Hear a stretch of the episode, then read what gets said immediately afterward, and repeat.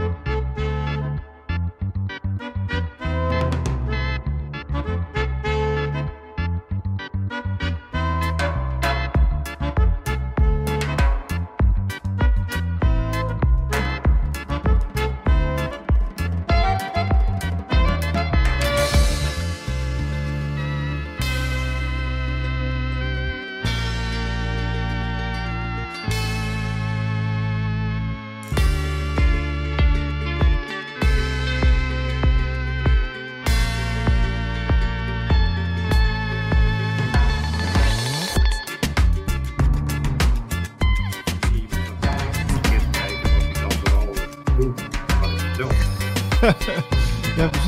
als je in Winsum uh, geboren bent, dan ken je Anton Teub ook wel, denk ik. Dat was mijn vroegere korfbaltrainer. Ah. Anton trainde mij korfbal en uh, uiteraard kennen elkaar heel goed. Hij, uh, ja, dan heb ik hem nog bezocht. Ik denk een jaar geleden of zo ben ik nog bij hem geweest in Winsum, bij de boog. En ehm, ja, hij, hij zit op een ander traject, laat ik zo zeggen. Hè? Vooral met, met de UFO, UFO-meldpunt en, en buitenaards contact en nou ja, wat andere dingen in de wereld. Ehm, en dat is ook, ja, hij is wel bij mij geweest op de Earth and Beyond om te spreken. Alleen, ja, wij verschillen toch fundamenteel van één groot bijzonder inzicht. En dat is de vorm en de structuur van de aarde waar wij leven. Kijk, hmm. Ehm, ik, ik weet al zeven jaar dat het een plateau is. En ja, anderen die, die blijven aan de bolgedachte vastkleven. Uh, indachtig het feit dat dat door de Jezuïeten uiteindelijk en de vrijmetselaar is bedacht om ons gevangen te houden. Hè. Dat is eigenlijk het idee. U leeft op een bol.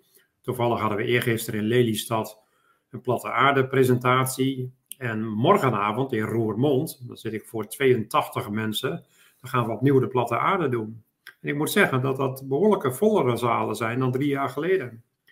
Ik ben er vier jaar geleden mee begonnen, maar dan had je een keer 20, 25 mensen in de zaal.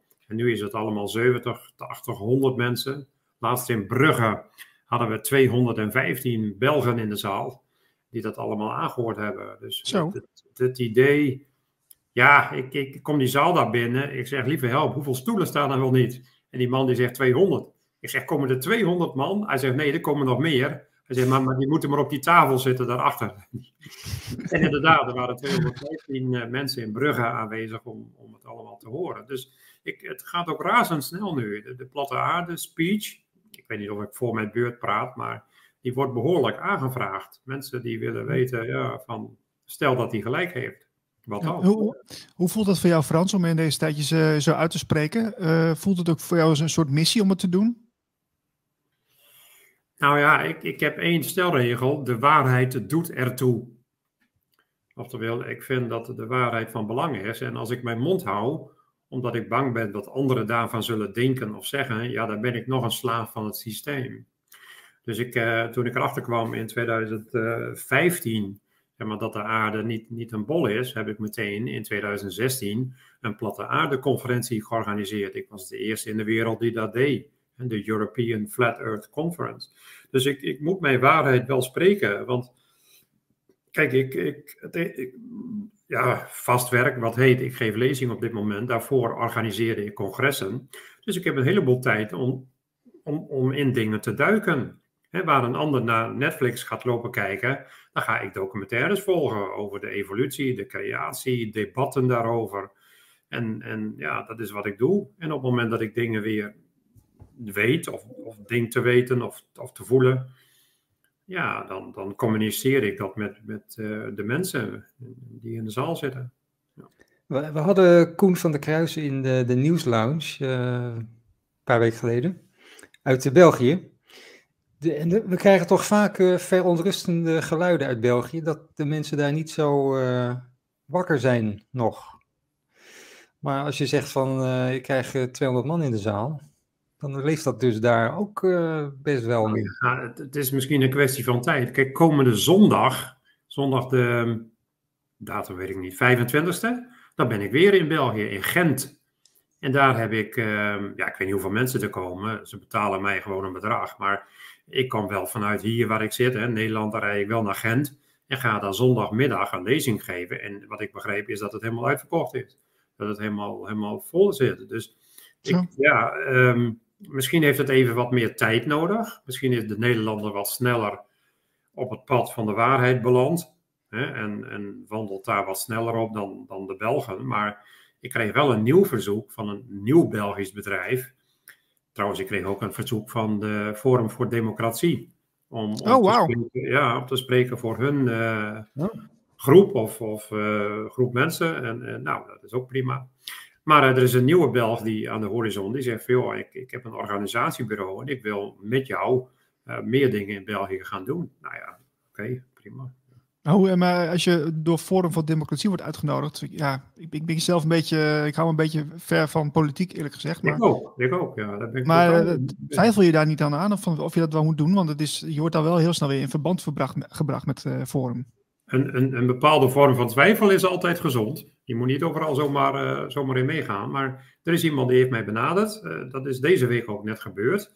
En die zegt van nou, ik wil, een, wil een, zo'n evenement opzetten waar je spreekt dan nou ja, laat me horen. Ik, bedoel, ik, ik, ben behoorlijk doorkneed in het opzetten van congressen, evenementen en beurzen. En dat heb ik bijna mijn hele leven lang gedaan.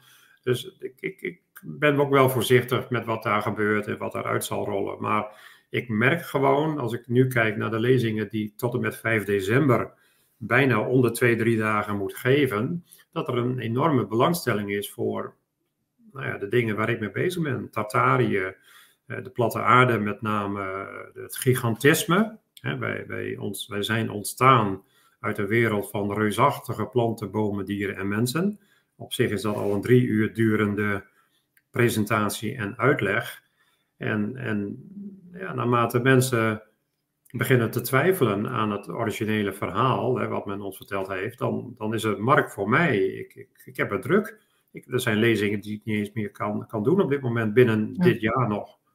Ja, dit is ook best wel topsport, hè, Frans? Uh, drie lezingen of zo uh, in de week. Het is, nou ja, het is, het is rust uh, lezingen geven en, en de rest van de tijd gaat op aan een nieuwe studie. Want ik bereid nog één nieuwe lezing voor, dan heb ik er vijf. Dat gaat over de evolutietheorie hoax, zeg maar, en de ja. Big Bang hoax.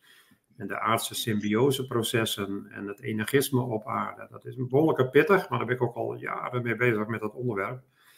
Maar dat moet nu uiteindelijk in een soort presentatie gegoten worden. En daar ben ik nu nog mee bezig. Maar het is, het is wel topsport, ja. Want je moet er wel naartoe.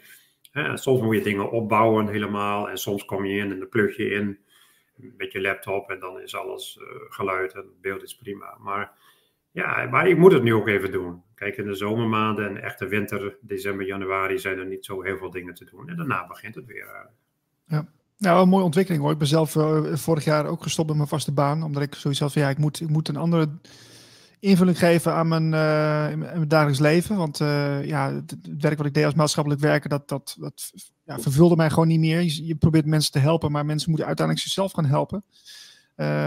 ja, kijk, je kunt altijd wel een beetje een, een, duwtje in de rug geven. Maar ja, ik had zoiets van, de, die informatie die nu die je nu eerst, die moet naar buiten. Dus dan moet in een podcast of in een uitzending, dan moeten we gewoon met, met elkaar gaan doen. Dus ik zie dat steeds meer mensen doen die dan die daar echt bewust voor kiezen om, om zich uit te spreken in, in deze gekke tijd. Ja, het, het is zelfs zo dat als je dat niet doet, heb je kans op keelkanker. Op het moment dat jij. Kijk, ik werk ook in de spirituele wereld, in de mentale wereld en de andere. En daaruit weet ik dat, dat als je die waarheid voelt, Hè, dat je dat ook moet uiten. En als je dat niet doet, dan krop je, de, krop je dat letterlijk op. Hè, hierin bij de keel. En dan, dan kun je daar problemen krijgen. Dus ja. Ja, daar ben ik wel heel veel... Ja, makkelijk in geworden hoor. Van in het begin, toen ik ontdekte dat de aarde geen, geen bol is, zeg maar. Toen werkte ik als uh, beursmanager bij de jaarbeurs Utrecht. En dan heb je een BMW van de jaarbeurs en een heel goed salaris. Je hebt zelfs een huis van de jaarbeurs. En dus ja, voordat je dan op het Beatrix-gebouw gaat staan en, en, gaat roepen dat de aarde plat is, dan ben je natuurlijk ook even wel een beetje voorzichtig. Maar uiteindelijk, dat is net als bij jou wat er gebeurd is, het is wat jij voelt, de weg die jij moet inslaan, die ga je dan ook daadwerkelijk inslaan, anders word je echt onrustig daarvan. En, en dan voel je dat het, ja, de dingen die je nu doet niet meer passen.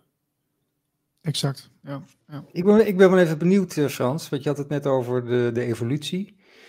Uh, waar, waar begin jij die lezing daarover? Bij, bij het ben je helemaal aan het begin, aan bij de Big Bang, of uh, als, die, als die heeft plaatsgevonden? Nee, die heeft niet plaatsgevonden. Ik heb een try-out gedaan in Eemnes. Dat was nog niet zo lang geleden. Ik had um, professor van Rossum, Maarten van Rossum, die zegt altijd dat de PowerPoint, dat is een beetje krakkemikkige ondersteuning van de niet begaafde spreker.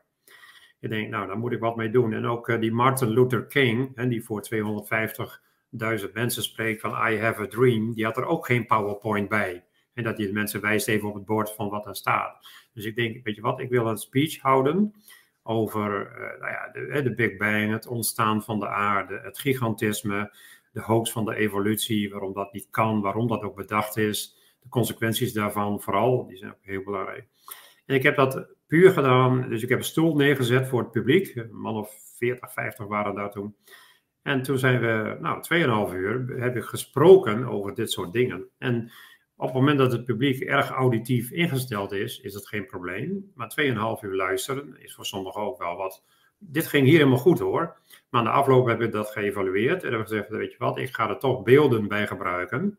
Om de hoofdlijn nog wat duidelijker en ook visueel uh, weer te geven. Dus die PowerPoint ga ik in oktober maken.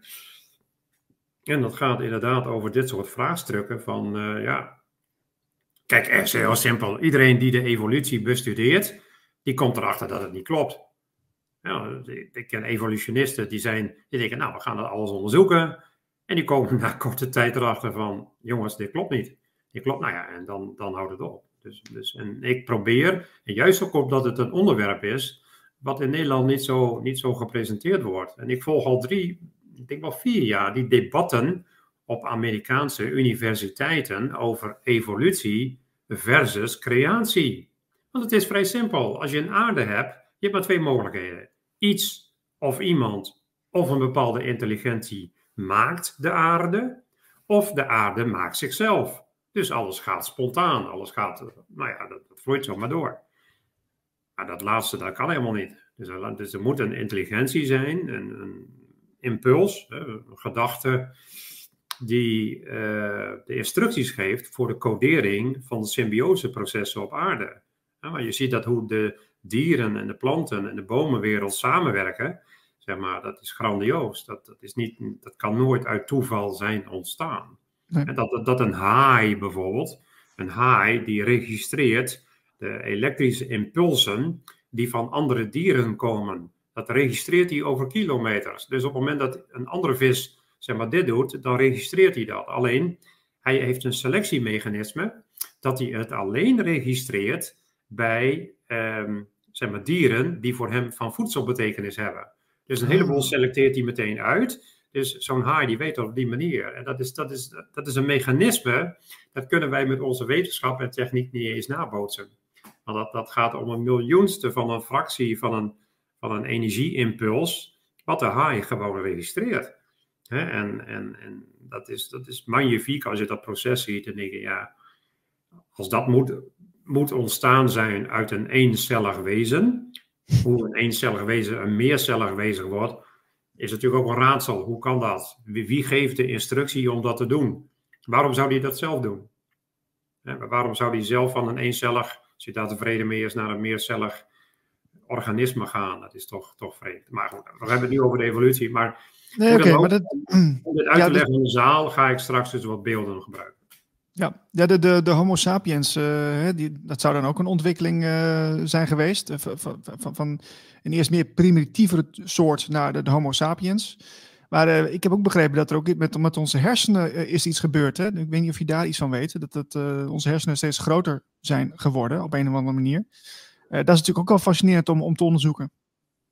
Nou, ik denk niet dat de hersenen groter zijn geworden. Dat nee, maar goed, nee, maar dat, dat, dat, wordt gezegd. Hè? Dus ik, ik ja, dat wordt in. Maar, maar ja. um, in, in, wezen, alles wat je nu nog weet, bijvoorbeeld ook aan chemische formules hè, van, van school ja, probeer het maar te vergeten, want het is niet waar. Er zit een totaal andere uh, ja, wereld is er eigenlijk hier uh, actief.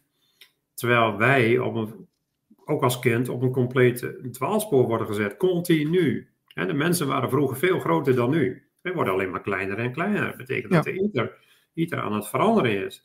Dus en ook, ook als je het hebt over micro-evolutie, want Kijk, de Big Bang, dat hoort bij eh, de kosmische evolutie. En de ontwikkeling van chemische elementen, dat hoort bij de chemische evolutie. En dan heb je de macro, je hebt de, zelfs de evolutie van het leven. Hoe krijg je leven uit non-leven? Iets wat niet dood is, hoe krijg je dat leven uit? Dat is op zich een evolutie. Dan heb je macro-evolutie, van soort naar soort. Nooit aangetoond, wordt ook steeds niet aangetoond. En daarbinnen heb je bijvoorbeeld micro-evolutie, waar jij het nu over hebt. Maar je moet wel goed van tevoren afspreken over welke evolutie je uiteindelijk hebt. Want die eerste vijf, dat zijn er vijf, die zijn puur nou ja, religieus. Je moet erin geloven. Terwijl die laatste, binnen een soort dat er mutaties optreden, al nagelang zeg maar, de omgeving, ja, dat, dat voor een gedeelte klopt dat wel. Ja. Hmm. Oké. Zullen wij uh, officieel beginnen of uh, wat, wat, doen we Marlijn? Ik, ik vind het best. Ik, uh... we, zijn al begonnen hoor. Zijn, ja, precies. Oké. Okay. fijn dat je kijkt naar Radio Gletscher. We zijn begonnen met Frans Heslinga. Frans, jij organiseert congressen, evenementen, beurzen en je bent ook spreker. En de mensen die hier naar kijken, die zullen jou ongetwijfeld een beetje kennen van, van Tartarië of van de platte aarde. En ook inmiddels van de holle aarde. En dat leek ons dan wel een leuk ja, onderwerp om eens een keer op in te gaan. Um, dus Frans, welkom in de show. Ja, ik, ik weet alleen niet van de holle aarde. Ik, ik vertel daar niet over. Ik weet wel oh. wat, hoe het werkt, maar ik, ik, ik, uh, ik heb die theorie van de concave earth, zoals ze dat noemen. Zeg maar dat de aarde binnen een cel zit. Die mm -hmm. heb ik in, wanneer was dat? 2015 heb ik die al afgewezen. Het, hetgeen niet wil zeggen dat er geen grote holle ruimtes zijn op het aardse plateau, waarin leven, dat hoeft niet alleen menselijk leven te zijn, uh, vertoeft. Dat is een ander punt. Ik heb zelfs mensen ontmoet die in de holle aarde leven en die hier af en toe aan de oppervlakte komen. Die, die, die mevrouw die had een fysiek een twee keer zo groot hart. Haar hart was fysiek twee keer zo groot. En, uh, maar die, die pendeltels waren op en neer. Het is, uh, trouwens, als je dimensioneel denkt, en, en voelt, of zelfs interdimensioneel, is alles mogelijk. Mm, ja, klopt. De, ja. de, de tijd. Lopen, lopen de realiteiten door elkaar heen, als het ware. De, nou ja, dat, die worden gescheiden door de tijd. De tijd scheidt de, de, de velden, zeg maar, hier op het aardse plateau. En, en wij maken een bepaalde tijdzone mee, zeg maar, maar het zou tegelijkertijd vinden er andere activiteiten plaats die wij niet nanemen. Het is hetzelfde dat jij noemde net, fijn dat jullie kijken naar Radio Gletscher. Ik weet niet waar ze dan naar kijken, maar um, op het moment, je kunt dus tunen naar een bepaald station. Dat wil niet zeggen dat de andere stations niet in de ether zijn. Vroeger noemen ze dat in de ether, hè? tegenwoordig noemen ze dat in de lucht. Ja. Ja, er zit een, er zit een gedachte achter. Nou ja. Oh, oké, oké. Ja, interessant. Nou, ze willen niet dat, dat, je weet dat ja, de, wat, wat jij net zei, Frans, over, de, over, die, over die vrouw die je hebt gesproken. Uh, die had dus, die had dus een, een, een groot hart. Twee keer zo groot als een, een normaal mens, laat ik maar zeggen. Uh, maar die, die, die, die pendelt dus op en neer tussen de holle, een holle aarde en uh, de normale aarde, zeg maar. Dat is wat zij zelf aangeeft. Zij heeft twee keer een lezing gegeven bij ons op Earth and Beyond. Dat was destijds in de jaarbeurs in Utrecht. Waar waarin zij dus voor een volle zaal uitleg van ja, wie zij is en wat zij doet. Maar ik heb natuurlijk een heleboel eh, bijzondere entiteiten mogen ontmoeten in die hele periode dat ik de Truth Convention en de Earth and Beyond en de Shine heb georganiseerd. Er bellen mensen mij op van ja, ik, ik praat met dieren, ik kom van ver. Hè, ik heb informatie die, die ik allemaal gechanneld krijg en die noteer ik, die wil ik graag. Die zoeken dan een platform om hun verhaal te presenteren aan een groter publiek. En de ene die spreekt in lichttaal. Dat kun je normaal niet verstaan, maar die lichttaal, die, nou, dan, en dan zorg ik dat er een zaal is en dat zij op mijn conferentie kunnen spreken. Mooi, ja. Nou, maar, ja, toen maar je zou wat zeggen.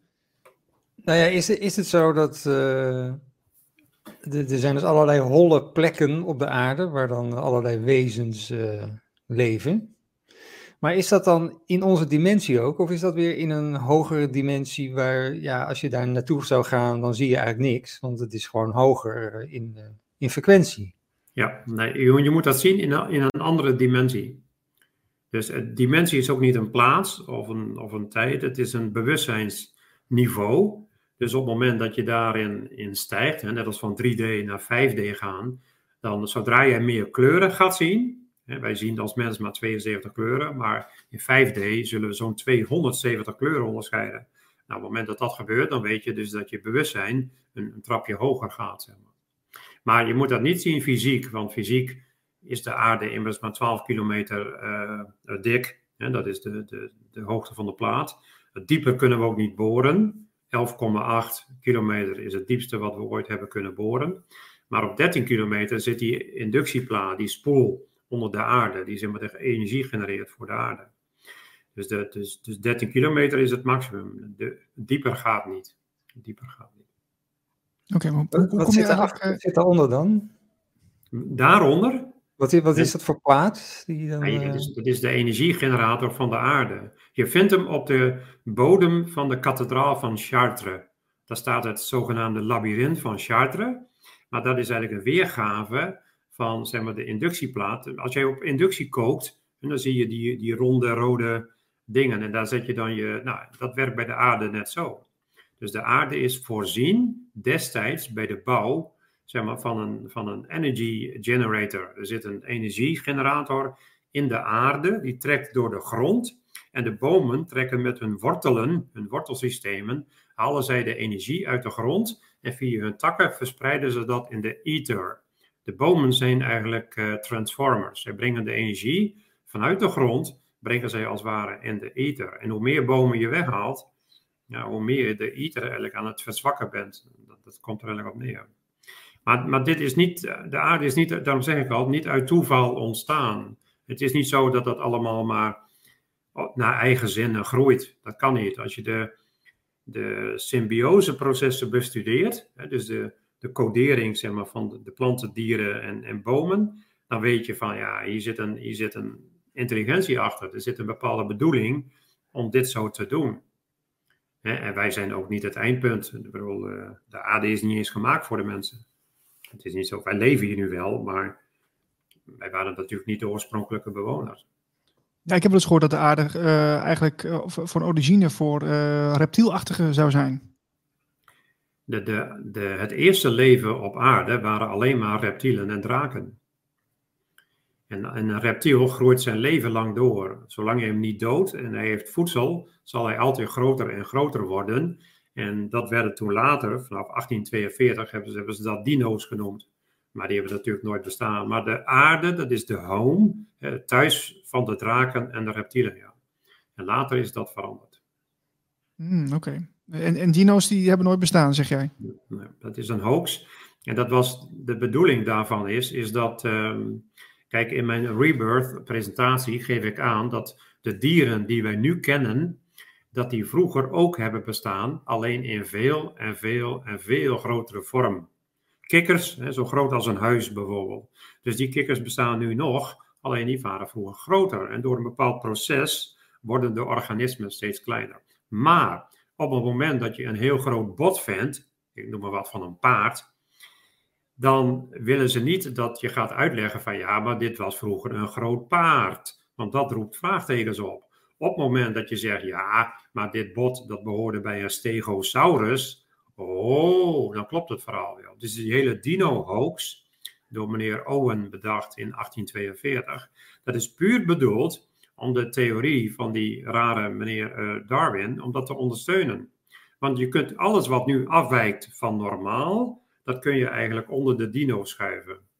Maar in werkelijkheid hebben zij niet bestaan. Een Tyrannosaurus rex bijvoorbeeld, die gevaarlijke met die twee kleine voorpoten, als die ooit één keer was gevallen, zou die zelf niet overeind meer kunnen komen. Als je naar de bouw kijkt van de Tyrannosaurus rex, hij valt één keer, daarna is het afgelopen met zijn leven, want hij kan niet meer overeind. Dus laten we niet tuinen in die, die hoogst. Er zijn voldoende documenten samengesteld over waarom de dino's nooit hebben bestaan. En uh, ja, ik, weet daar geen presentatie aan, want dan kunnen mensen allemaal zelf uitzoeken. Maar de bedoeling ervan duidelijk was van, dino's zijn niks anders dan reptielen die altijd doorgroeien. Kijk, een mens stopt met groei. Tenminste, verticaal. Horizontaal, dan komt er wel eens wat bij. Maar, maar uh, reptielen zullen altijd doorgroeien. En daarom zijn dino's niks anders dan grote reptielen van vroeger. Grote salamanders, grote kikkers, grote noem maar op. Ja, slangen. Je, je noemt dit nou een hoax, uh, Frans, wat impliceert dat iemand dus eh, dit allemaal bewust heeft bedacht en, uh, en weg heeft gehouden. Dat impliceert ook dat heel veel mensen hier vanaf weten ehm, en, en het verstoppen. Dus, maar is het ook niet een heel groot deel van de mensen waar het gewoon dommigheid is? dus die, nou, die, vinden, die vinden botten en die maken daar een dinosaurus van. En nou, dit zou best eens uh, geleefd kunnen hebben. En niet, niet de waarheid, zeg maar, daarachter kennen. Ja, natuurlijk niet. Maar kijk, de enige tijd dat je in je leven te maken krijgt met dino's, is als je 4, 5, 6, 7 jaar oud bent, ja, als kind. En als je opa, oma bent, om de kinderen voor te lezen uit een boekje met dino's. De hele tussenliggende periode heb je met dinosauriërs niks te maken. Maar het punt is, de kinderen die, aan wie het wordt verteld, die vertrouwen de mensen die het zeggen, de grote mensen. En de grote mensen, ja, die zijn niet op de hoogte. En bedoel, er zijn weinig die echt een studie maken van, klopt het allemaal wel? En klopt het wel wat die maloot Charlie Darwin destijds allemaal heeft bedacht?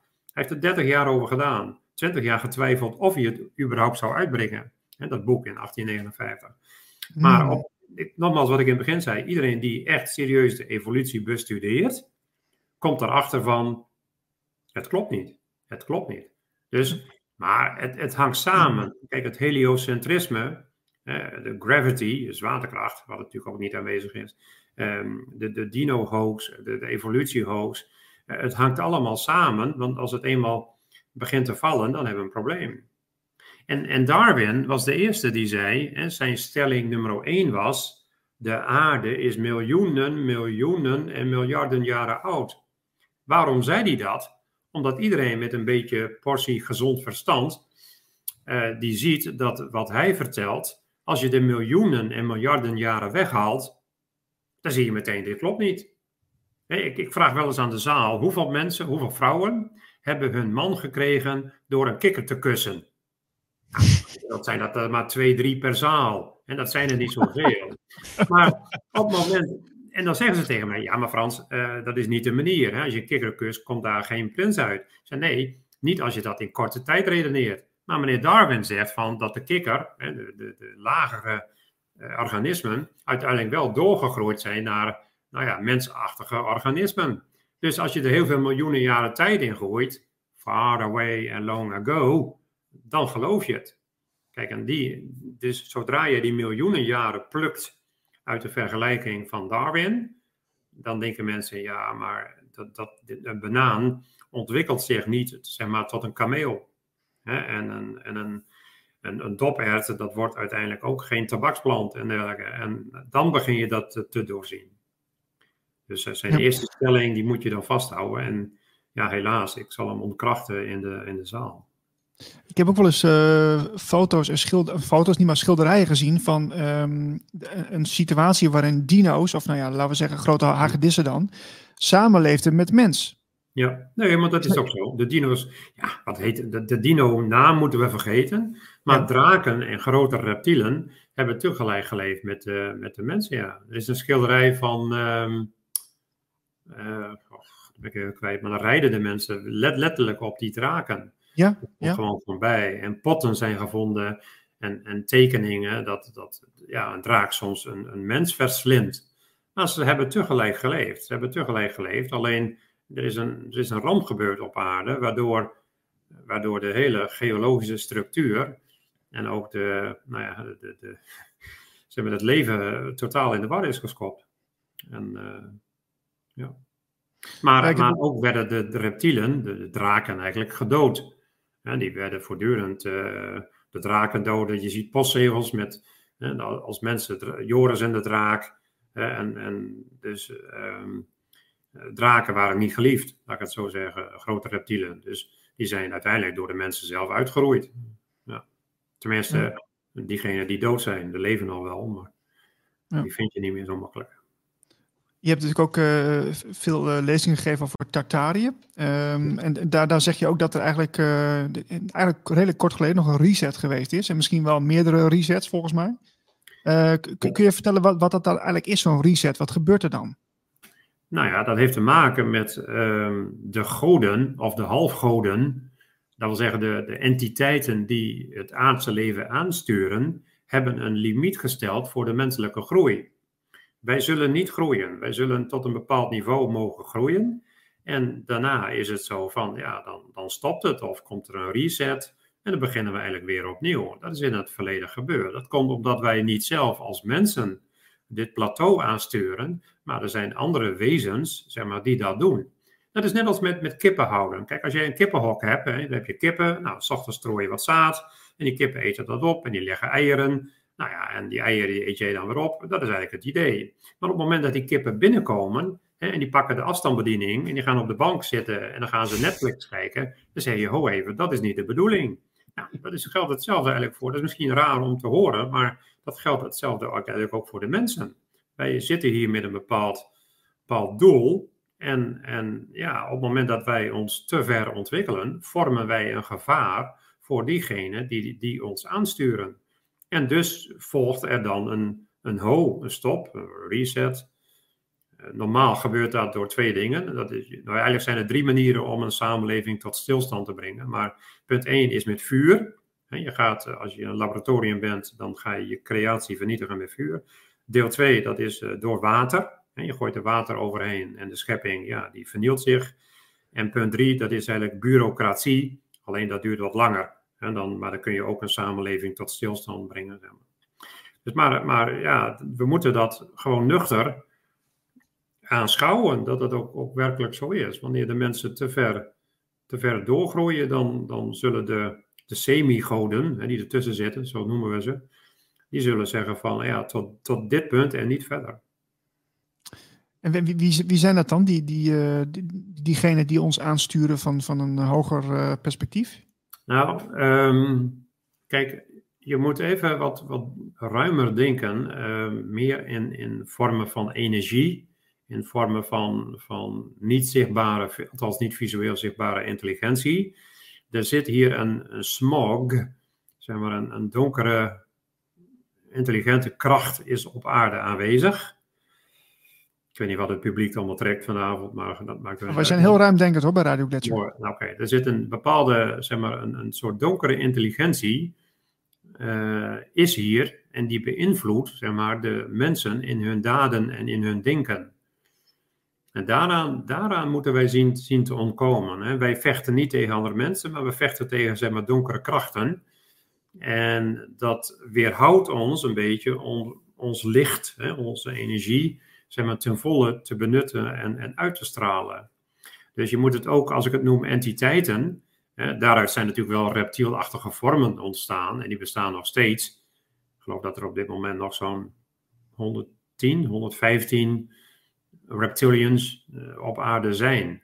En, en dat uh, weet ook wel waar, maar uh, die.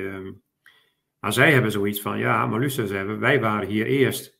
Dus zij gedogen dat wij hier zijn, maar dan houdt het ook wel op. Dus, dus in, in wezen is de mens een soort. Um, ja.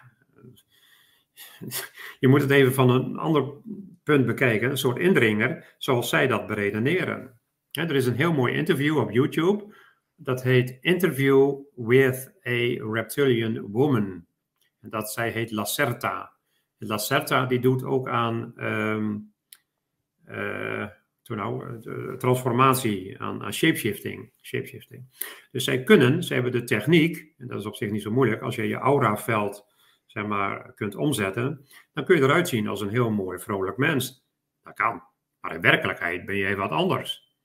En uh, ik moet zeggen, er zijn, er zijn entiteiten eh, die daadwerkelijk zich begeven onder het menselijk ras, maar dat wij als zodanig niet herkennen dat het niet menselijk is. Aristoteles zei het al.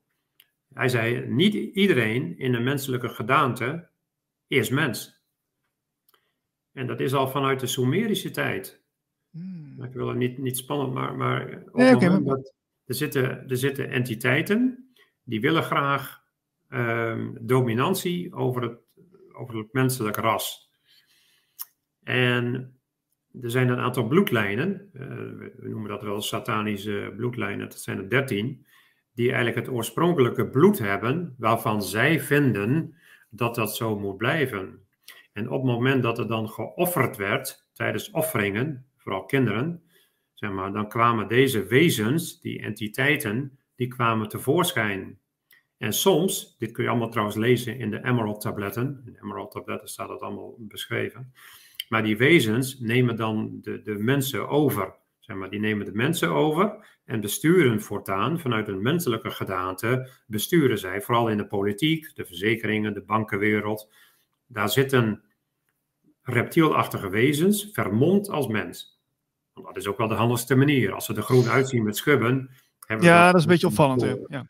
Maar ik toch even, eh, even, een vraag, Frans, want uh, het is jou vast niet, ook niet ontgaan. Uh, Queen Elizabeth is overleden. Dan vraag ik me af van, oké, ja, dat is misschien wat een beetje controversieel, maar er wordt ook gezegd dat zij dus daar, daar, een link mee heeft met, met reptilians, met, met die bloedlijn inderdaad, maar wat, wat betekent dat nou, hè? Als, als zij is overleden? ik heb begrepen dat het grote consequenties heeft voor de machtspositie Ehm, daar. Maar wat, wat weet jij daarvan? Nou ja, macht, kijk, je krijgt een machtsverschuiving. Zolang de koningin, die is niet werkelijk doodgegaan, hè, voor alle duidelijkheid. Die was natuurlijk al veel eerder gestorven. Alleen men zoekt een speciale datum. Maar natuurlijk is zij, uh, David Icke heeft dat uitvoerig beschreven. En ook Lady Di, Diana, die overigens nog steeds leeft hoor, geen paniek daarover. Maar die heeft dan aangegeven dat de rituelen die bij het koninklijk huis worden uitgevoerd, dat dat niet echt menselijk is. En, en kijk, tuurlijk ziet zij er niet uit als een reptiel met groene schubben en dergelijke. Ze ziet er menselijk uit, maar ze moet wel mensen eten om haar menselijke vorm te houden. En daarom eten ze die kinderen, want anders behouden ze hun vorm niet. Dus man east was man east. Dat is eigenlijk de bedoeling erachter. Dus die Elisabeth, die zat natuurlijk hoog in de, in de aansturing, voor zover dat je op die leeftijd nog een beetje zinvolle uitingen kunt doen. Maar goed, wat er nu gebeurt is dat je een verschuiving krijgt. Maar ik, ik ben daar niet bang voor. Het is, het is een, wat we gezien en hebben. Is positief nieuws? Is geen positief nieuws dan? Dat, dat zij overleden is? Ja? Nou ja, goed. Kijk, er komt uiteindelijk een eind aan. Merkel die is ook niet meer actief. En die, en die Malot, die, die Macron. Eigenlijk is dat een synoniem voor monarch. Want dat is wat hij wil worden. Daarom heet hij Macron. Daarom doen ze dat. Maar die is nu ook weg. Dus er vindt wel een, een verplaatsing plaats, zeg maar, een verschuiving plaats. En dat de koningin van Engeland, eh, het oude reptiel wordt het dan genoemd, dat die nu eindelijk weg is. Ja, nou ja, prima. Dan komt er iemand eh, voor in, in de plaats, hè, Charles, die op zijn 73ste aan het werk moet. Man is ja, ik begreep dus, uh, ik begreep dus dat uh, van een andere podcast van Simon Parks, dat uh, die bloedlijn die dus voorheen nog zijn doorgang vond, die, die stopt dan bij haar, zeg maar, omdat ze is overleden. En daardoor vervallen die contracten, die eindigen dan eigenlijk met uh, de, de, denken aan de vrijmetselarij en al dat soort geheime genootschappen, die zouden dan daarmee komen te vervallen. Nou ja, um, er is een, wel een ontwikkeling, want ik, ik weet niet of je meegekregen hebt dat het, Vaticaan voor 30 september, ja. dat is dus over tien dagen, alle bezittingen heeft teruggevraagd. Dus ik denk dat achter de schermen er wel een, een behoorlijke verschuiving gaat plaatsvinden, waar de mensen, wij gewone mensen, ook echt dingen van gaan merken. En niet zo'n beetje ook. Dus dat gebeurt echt wel. Er is, er is iets gebeurd. Er is iets gebeurd waardoor iets wat jarenlang in stand gehouden is, door het leven van dan uh, Queen Elizabeth, dat er nu een keer een eind aan komt. En als meneer Charles zeg maar, een minder pure bloedlijn heeft, wat hij, wat hij zal hebben, ja, dan, dan komen er veranderingen, ja. Maar goed, ik sta niet te juichen van, ik bedoel, ja, wat, wat, wat heb ik daarmee te maken verder? Dus ik, uh, je moet ook maar niet te veel betrokken zijn bij het wereldgebeuren. Dat is een... Uh, nou ja, goed, jij, jij, jij rammelt toch wel aan de boom met al je verhalen en theorieën, je Frans. Dus, uh, ik, nou, ik, ik bemoei dat, ik, ik, ik uh, pureer dat puur in de zin van, van de aarde, eh, wat de aarde is geweest, zeg maar de Tartaria, en bewustzijn. Hè, van wie zijn wij, waar komen wij vandaan en wat is de bedoeling van het leven hier? Hè, en wat is mijn zielsmissie en dat soort dingen. Maar er zijn nog, ik heb in het verleden ook, ook met chemtrails ben ik bezig geweest en de maanlandingen en satanisme en een heleboel andere vakgebieden. Maar er zijn vast mensen die daar nog wel weer verder en meer van weten. Dus ik, wat ik nu ook doe, is dat ik binnen een beperkt gebied um, doe ik studie en, en, research. En dat vertaal ik in, in nou ja, hapklare communicatie. Dat is wat ik doe. Maar ik zal me dus niet met politieke kwesties gaan bemoeien en dergelijke. Kijk, ik wil best het land wel leiden voor een tijdje. Daar heb ik niet zoveel moeite mee om dat te doen. Maar tenslotte afgestudeerd als econoom. Maar dat zijn niet de aspiraties. Laat mij maar in mijn eigen veld bezig zijn en daar misschien wel vrij uniek in zijn. In de informatie over wat is de aarde, hoe is dat ontstaan en wat is de bedoeling van, van het totale leven hier. In combinatie met de, de plantenwereld en de dierenwereld. Alright. Uh, je zei net, uh, ze moeten de, eigenlijk mensen eten om er als mensen uit te blijven zien. Maar uh, je zei ook, ja, dat, je kan je aura veranderen. Dus dan hebben ze gewoon een soort perceptie, een soort, soort hologram over zich heen of iets dergelijks. Waardoor ze er als mens uitzien. Ja, dat kan. Dus kan, kan dat allebei? Of, uh... Nou ja, de ene heeft, heeft meer te maken met het bloed. Zeg maar, het, het jonge bloed van, van kinderen. Hè, de adrenochroom, dat ken je waarschijnlijk wel. Uh, dat, wat, wat wel life in de Bijbel staat, the life of the flesh, het leven van het vlees, is in the blood. Het zit in het bloed. Daar zit het leven van het vlees in. Dus op het moment dat jij jonge kinderen consumeert, zeg maar, en vooral het bloed daarvan, het vlees is nog niet eens zozeer nodig, dan krijg je wel die energie. Maar shapeshiften is inderdaad een techniek die de reptilians uh, hebben om inderdaad in hun nou ja, buitenveld, zeg maar, om, om daarin dingen te veranderen. Daarmee kunnen ze ook bijvoorbeeld voorwerpen naar zich toe trekken. Als jij bijvoorbeeld een pen op je tafel hebt liggen, dan kunnen ze door middel van dat aansturing van dat buitenveld, hè, wij hebben ook een aura, maar wij, wij kunnen dat niet, kunnen ze dat gewoon naar zich toe trekken. En ik heb dat ook gezien. Ik heb dat ook gezien. Want het interview met Lacerta, dat zou ik iedereen wel willen aanraden, ja. Want die geeft een heleboel droog en nuchter, geeft zij aan hoe zij leven, wat de combinatie is tussen mensen en, en reptilians, die hier eerst waren. En uh, ja, ik heb er wel veel informatie uit gehaald, ja. ja. Oké, okay. interview met Lacerta. Ik heb het genoteerd, dus ja. dank voor die... Dat heet eigenlijk interview with a reptilian woman. Mocht je het interview, maar, maar dan zie je zo'n groene hoofd, dat is dan Lacerta. Maar als zij wil, dan ziet ze binnen een vingerknip uit als gewoon een mooie vrouw. En zo heeft zij contacten gelegd in Noorwegen. Okay. Hoe uh, bescherm jij jezelf uh, als jij in al deze konijnenholen duikt? Want uh, het, is niet, het is niet fijn, het is niet fris, het is een beetje naargeestig. Nou ja, jullie vragen erom. Ik, ik normaal praat ik er niet over. Dus ik heb het normaal over, over fijne dingen, mooie dingen, over de aarde en over, over leven op aarde, combinaties daarvan. Dus nou ja, ik bescherm mij verder niet. Ik, ik doe mijn werk. Ik heb misschien één voordeel dat ik, uh, ik heb een tijd in Saint-Tropez gewoond in Frankrijk. Toen ben ik teruggekomen naar Nederland. En eigenlijk ben ik sindsdien professioneel huizenoppasser. Dus ik pas op huizen, vooral op dieren. Op het moment dat mensen zeg maar twee, drie, vier maanden weg zijn, dan kunnen ze mij contacten en dan kom ik op de dieren passen en op de tuinen, dat soort dingen. Dus ik woon op verschillende plekken in Nederland. En, uh, maar ik heb niet het idee dat ik achtervolgd word. Waarom niet? Omdat ik het bewust met een behoorlijke dosis humor ook doe. Dus in de zalen is dat ook en ook in mijn presentaties. je kunt altijd nog zeggen, dit valt onder cabaret. Uiteraard is het dat niet, maar uh, ik, ik kan me nog redelijk, of redelijk, helemaal vrij bewegen op dit soort dingen. Ik, ben, ik heb ook niet een officieel woonadres, hè, dat je een post krijgt van de overheid van, goh, mag het misschien wat minder? Nee, dat, dat gebeurt niet. Ik heb ook niet het idee dat ik begluurd word of, uh, of in de gaten gehouden. En bovendien, mijn schema is bekend. Er staat op mijn website staat mijn agenda, waar ik straks in, in Sprangkapelle en in Breda, in Vlagtwedde, uh, Hoorn en Alkmaar, waar ik overal spreek. Dus als iemand mij zou willen ontmoeten, dan, dan moet je gewoon op die plek, op die locatie zijn en dan ben ik live aanwezig. Dus ik, ik, ik, doe niets om. Ik heb een, ik, je zou eens kunnen zeggen, een soort spirituele bescherming. Ja. Daar geloof ik wel degelijk in. Dat ik, uh, ah. Dat, dat, dat, ja, dat heb ik ook al gezien, ja, dat dat zo is. En dat hebben andere mensen ook bij mij gezien. Ik was een keer in, uh, in Surhuis Terveen. En toen kwam er een mevrouw naar me toe in de pauze. En die zegt heel zachtjes zo, weet u wel dat er duizenden engelen achter u staan? Nou, ik weet niet hoeveel dat zijn, maar ik zeg, ik heb wel het idee dat ik, uh, dat ik begeleid word. Ja, en dat ik gewoon... ja, ja, ja. Mooi, ja. Herkenbaar ook wel.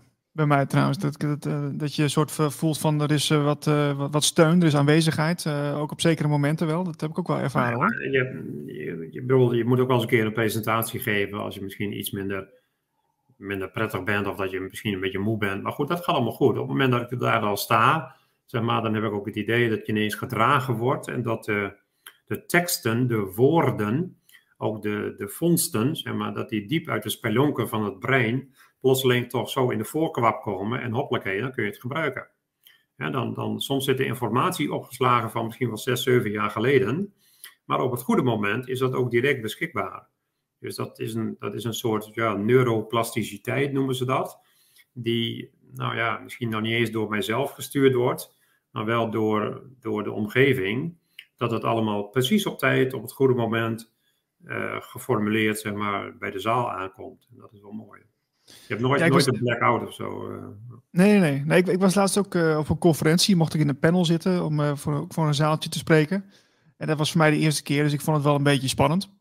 Maar op een gegeven moment, ik had het me wel van tevoren gevisualiseerd van, nou, ik wil daar gewoon rustig zitten en goed uit mijn woorden komen enzovoort. En, en op het moment toen ik aan de beurt was met mijn microfoontje, toen ging het eigenlijk heel relaxed. En ik, ik merkte ook gewoon wel dat er dat het nou, dat op een bepaalde manier wel een beetje gedragen werd of zo. Dat, dat ik het niet.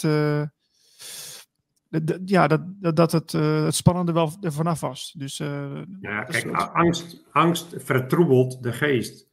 En angst beperkt. Dus op het moment dat jij nou ja, indachtig het feit dat je al een heleboel dingen hebt bestudeerd en, en aangehoord en bekeken, als jij die rust op dat moment gewoon kunt, kunt hebben, dan, dan krijgt het brein ook de, de gelegenheid om, om dat ook te formuleren. Dus dan, dan nou ja, op een gegeven moment, ja, goed, hoeveel lezingen heb ik wel niet gegeven nu? Joh, ik ben al vier jaar lang bezig. Dus op een gegeven moment dan, dan uh, of het nou Tartari is of, of het gigantisme. En, en straks de nieuwe de, over de evolutie. Ik heb hem al een keer gegeven zonder beelden. Nou, laat staan als je straks ook nog wat hulp hebt van van beelden en teksten, ja, dan, dan, dan gaat dat allemaal goed. Ja. Je, doet, je doet heel veel lezingen over het verleden, hè? over Tatarië, evolutie. Uh, hoe zie jij de toekomst eigenlijk? Nou ja, je kunt alleen voorspellingen doen, over, behalve bij het klimaat trouwens hoor. Hoe ver je het klimaat ook bestudeert in het verleden, dat geeft je geen enkele garantie over wat, hoe het klimaat zal, zal doen.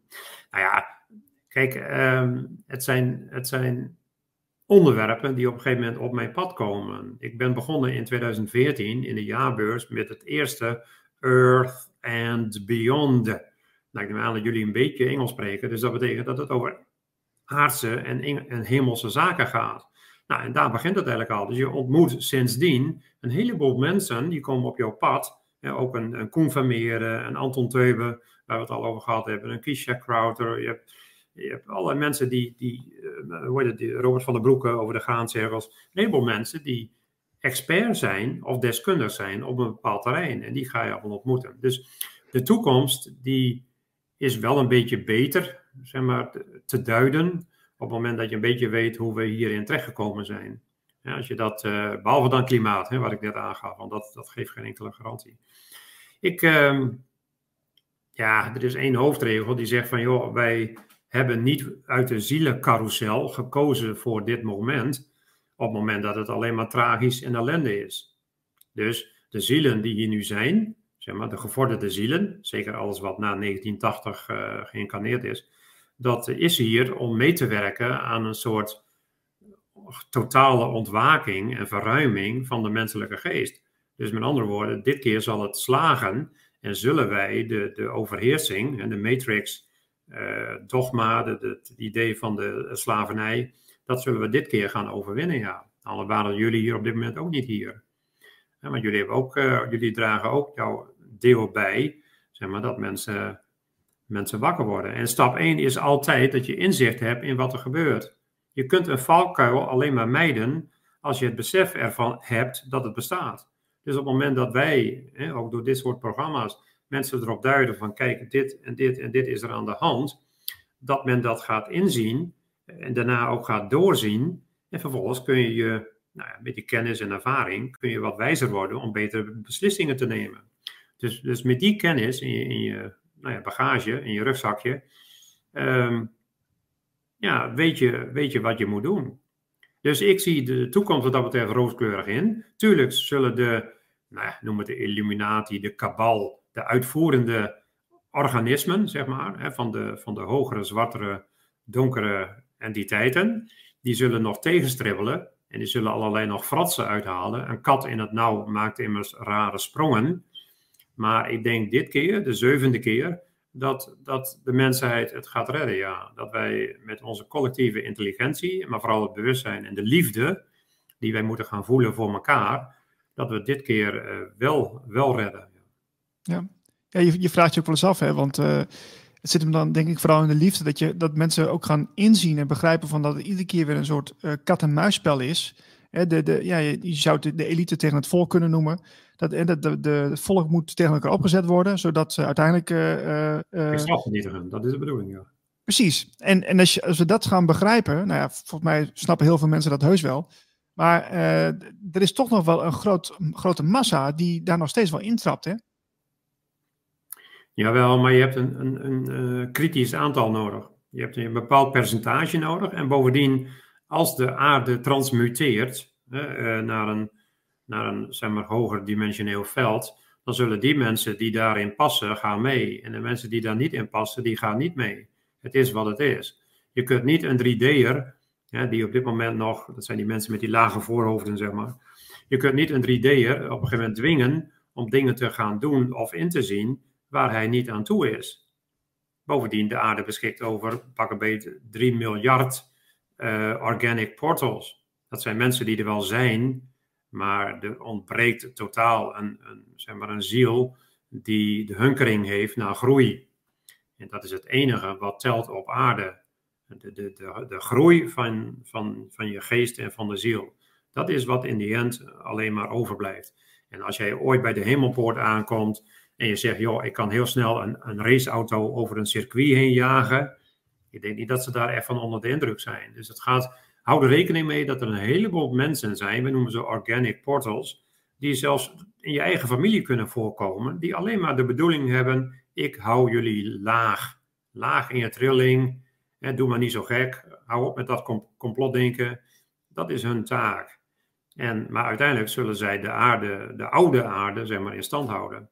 En dat is ook prima, dat is ook prima. Niet iedereen gaat mee en hoeft mee en kan mee. Maar de mensen die dat wel doen, die worden nu in, in hoog tempo ontwaakt, mede door die hele coronatoestand. Dat, dat had mij, was mij alleen niet gelukt op deze manier. Maar, maar door de corona beginnen een heleboel mensen in te zien dat zaken niet kloppen. Nou, en, en of je neemt een prik. Ik, ik ken nog een, nog een mopje. Er komt een uh, meneer, die komt bij de dominee en die zegt: Dominee, ik ga zo meteen het vierde prikje nemen. Kom ik dan nog wel in de hemel? Oh, natuurlijk, zei de dominee, alleen wat eerder. nou. Ja. ja.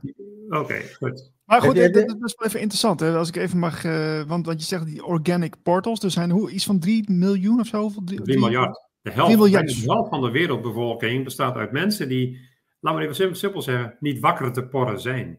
Nee. Maar oké, maar, maar oké, die, die blijven dus wel bestaan. Maar, maar die, die, je ziet dus, ik merk dus nu al die kloof, die wordt steeds groter tussen, tussen de mensen die wel bewust zijn en, en, en laten we zeggen deze groep. Ja. Maar uh, is het dan nog wel steeds mogelijk om daar interactie mee te hebben? Of gaat het, is het... Nou, niet, niet, niet op mentaal en spiritueel, intellectueel niveau. Dus dat, dat gaat niet meer, want jullie, kijk, dat is net als met stemvorken. Als ik hier aan de linkerkant 10 stemvorken heb en aan de rechterkant, en ik pak aan de linkerkant een van 300 hertz eruit en ik geef een tik, dan gaat de stemvork aan de rechterkant, hè, zeg maar die van 300, gaat ook trillen. Dus resonantie zoekt elkaar op. Op het moment dat jij in een hoger veld resoneert en trilt, zeg maar dan iemand die daar lager zit, je begrijpt elkaar niet. Je voelt elkaar niet aan, het, het werkt niet, je kan praten wat je wil, maar het komt niet over. Pas iemand die met jou resoneert, hè, min of meer op hetzelfde niveau, die neemt dat over en je kunt elkaar versterken. Dus, en, ik, en ik, dat weet ik al lang, dus ik neem die moeite ook niet meer. Ik, ik ga niet mensen proberen, trouwens dat kan ook niet, het moet altijd uit jezelf komen. De, de groei de, de, moet altijd uit jezelf komen. Ik kan hoogstens de mensen meenemen naar het buffet, maar wat ze eraf halen, dat moeten ze zelf doen. Dus ik zeg, nou, dit is het buffet en, en nou ja, wat je wil hebben, dat moet je er maar afhalen. Maar ik kan ze niet overtuigen. Dat moet ook niet. Kan ook niet. Oké. Heb je iets met uh, de 3D naar 5D uh, theorie? Sorry? Heb, heb, jij daar iets mee met uh, we gaan van de 3D naar de 5D? Of, of, of zie jij dat anders? Dan andere, ja, het, het, is geen plek, hè? het is geen oord, het is geen positie. Het is een, het groeien van het bewustzijn. Dus je, je, de angst zeg maar, en het uh, verleden, dat, dat valt allemaal weg. Dus je bent meer in het nu. Je maakt je, dus je hebt geen ergernis, zou we maar zeggen, over het verleden. Je hebt geen angst voor de toekomst. Dat betekent dat je tevreden bent met het leven in het nu. Nou, noem dat dan 5D wat mij betreft. Maar heel veel mensen zitten nog in, in, in angst, zeg maar, voor wat er allemaal gebeuren gaat. Of ze hebben nog ergernis en niet vergeven in wat er in het verleden is gebeurd. Dus eigenlijk zit je dan in een soort niemandswereld en dan, dan zul je dat niet bereiken. Maar 5D is een, is een staat van bewustzijn, waarin je eigenlijk vergeeft, waarom je nou ja, plezier kunt hebben om alles wat er gebeurt. Je bent een soort contemplatieve geest geworden, die geen voorkeur heeft en geen afkeur heeft. En je leeft eigenlijk precies in dat veld. Dus dat doe ik ook. En, en die, die Krishnamurti, die zei altijd, eh, die oude vent, hè, die Krishnamurti, ja, mhm. hij was ook jong geweest natuurlijk, maar die zei van, joh, de, de oorzaak van mijn vrolijkheid is dat het mij allemaal niet uitmaakt wat er gebeurt. En, en dat is bij mij denk ik ook een beetje zo. Het maakt niet uit wat er gebeurt. Het kan regenen of niet. Je kan, kan iets wat overkomen of niet. Ik blijf er altijd vrolijk door. Wat, wat zal ik me druk gaan maken met, met voor- en afkeur, hechting aan dingen? Het heeft geen zin. Waarom zou ik moeten hechten aan materiële dingen? Het, het, de, als je het kwijtraakt, dan heb je daar weer leed over. Nou, dat moet je niet doen. moet je niet hebben. Ja. Dus, dus... Ja, je, je, je vertelde mij dat je, dat je uh, ook heel veel mensen hebt uh, ontmoet die, um, ja, die, die heel veel dingen hebben ervaren, uh, andere dimensies, andere, be, andere bewustzijnslagen. maar heb je ook wel eens mensen gesproken die, die, um, ja, die, die buitenaards hebben gesproken of gezien? Of? Nou ja, ik heb ze zelf ontmoet. Maar buitenaardse wil niet zeggen dat ze er. Kijk, een ET, een ET'er, dat is eigenlijk een extraterrestrial. Extra is meer en terrestrial, het betekent eigenlijk land, terra. Chair, hè, ter. Nou, dus eigenlijk is een IT'er een meerlander, oftewel iemand die komt van de buitenplateaus. Die komt dan door, of via de ijsmuur komt hij dan hier. Maar er zijn, ik heb mensen gesproken die ook bij mij lezingen hebben gegeven, die zelf aangeven, ik kom niet van hier. Ik zie er wel menselijk uit, maar ja, ik ga natuurlijk ook niet in blauwe kleur en, en hoortjes op je hoofd en, en dat valt te veel op. Dus op het moment dat je als IT'er, en er zijn een heleboel al hier, eh, er zijn om het menselijk ras zeg maar, te helpen, dan ga je er menselijk uitzien. En wij hebben dat niet in de gaten, want ja, iemand is gewoon menselijk. Deze man was in zijn gewone beroep treinconducteur. Oké. Maar dat is een, dat is een camouflage. En dat is een camouflage voor, voor wat je hier aan het doen bent. Hij doet zijn taak of taken en vertrekt vervolgens daarna weer. Soms zijn ze spoorloos verdwenen, soms, zijn ze zomaar, soms gaan ze hier dood in dit lichaam. Het lichaam heeft dan zijn functie gehad en dan, dan gaat men terug. In wezen zijn wij ook, ook geen eh, lichamelijke wezens met een, met een geest erbij. Wij zijn geestelijke wezens die een lichamelijke ervaring opdoen. En op het moment dat we die ervaring gehad hebben, of onze taken gedaan hebben, dan zijn we zo weer weg. Het, het is hier niet zo leuk natuurlijk op aarde. Nou, het is wel een plek waar je heel veel kan leren, uh, sowieso. Dat want, is de uh, bedoeling, maar, ja, ja, ja. maar vooral de ingebouwde sabotage op iemands leven, dat kan iemand ook heel zwaar vallen. Dus er zit, op het moment dat je hier komt ter aarde, dan, dan heb je een soort programma met tegenslag. En die tegenslag, dat zijn de uitdagingen die je moet overwinnen.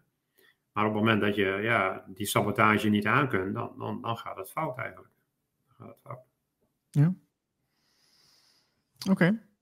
Um, ik zit even te denken, want uh, we, ja, we kunnen natuurlijk alle kanten op met jou. Tartarië zouden we het over kunnen hebben, de, de platte aarde. Uh, want je, ik dacht dat je ook iets met de holle aarde deed, maar dat is dus nog niet zo.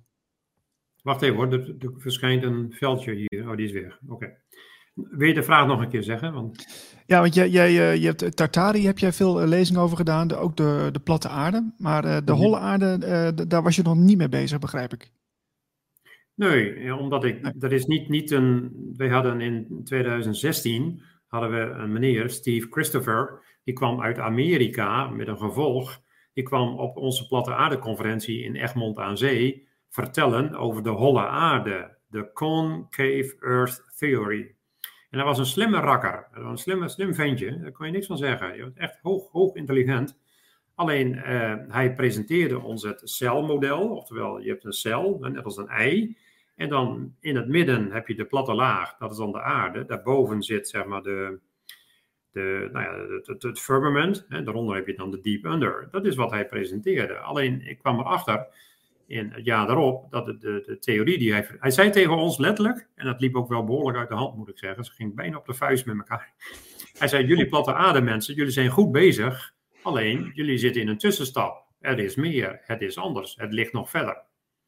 Nou ja, dat, dat waren mensen uit Schotland toen. En iemand uit Denemarken, ja, die waren nogal een beetje heethoofdig. En, en nou maar goed, dat, uh, dat, maar goed, uiteindelijk uh, heb ik ook die theorie van, de, kijk, er zijn holle ruimtes binnen het aardse plateau.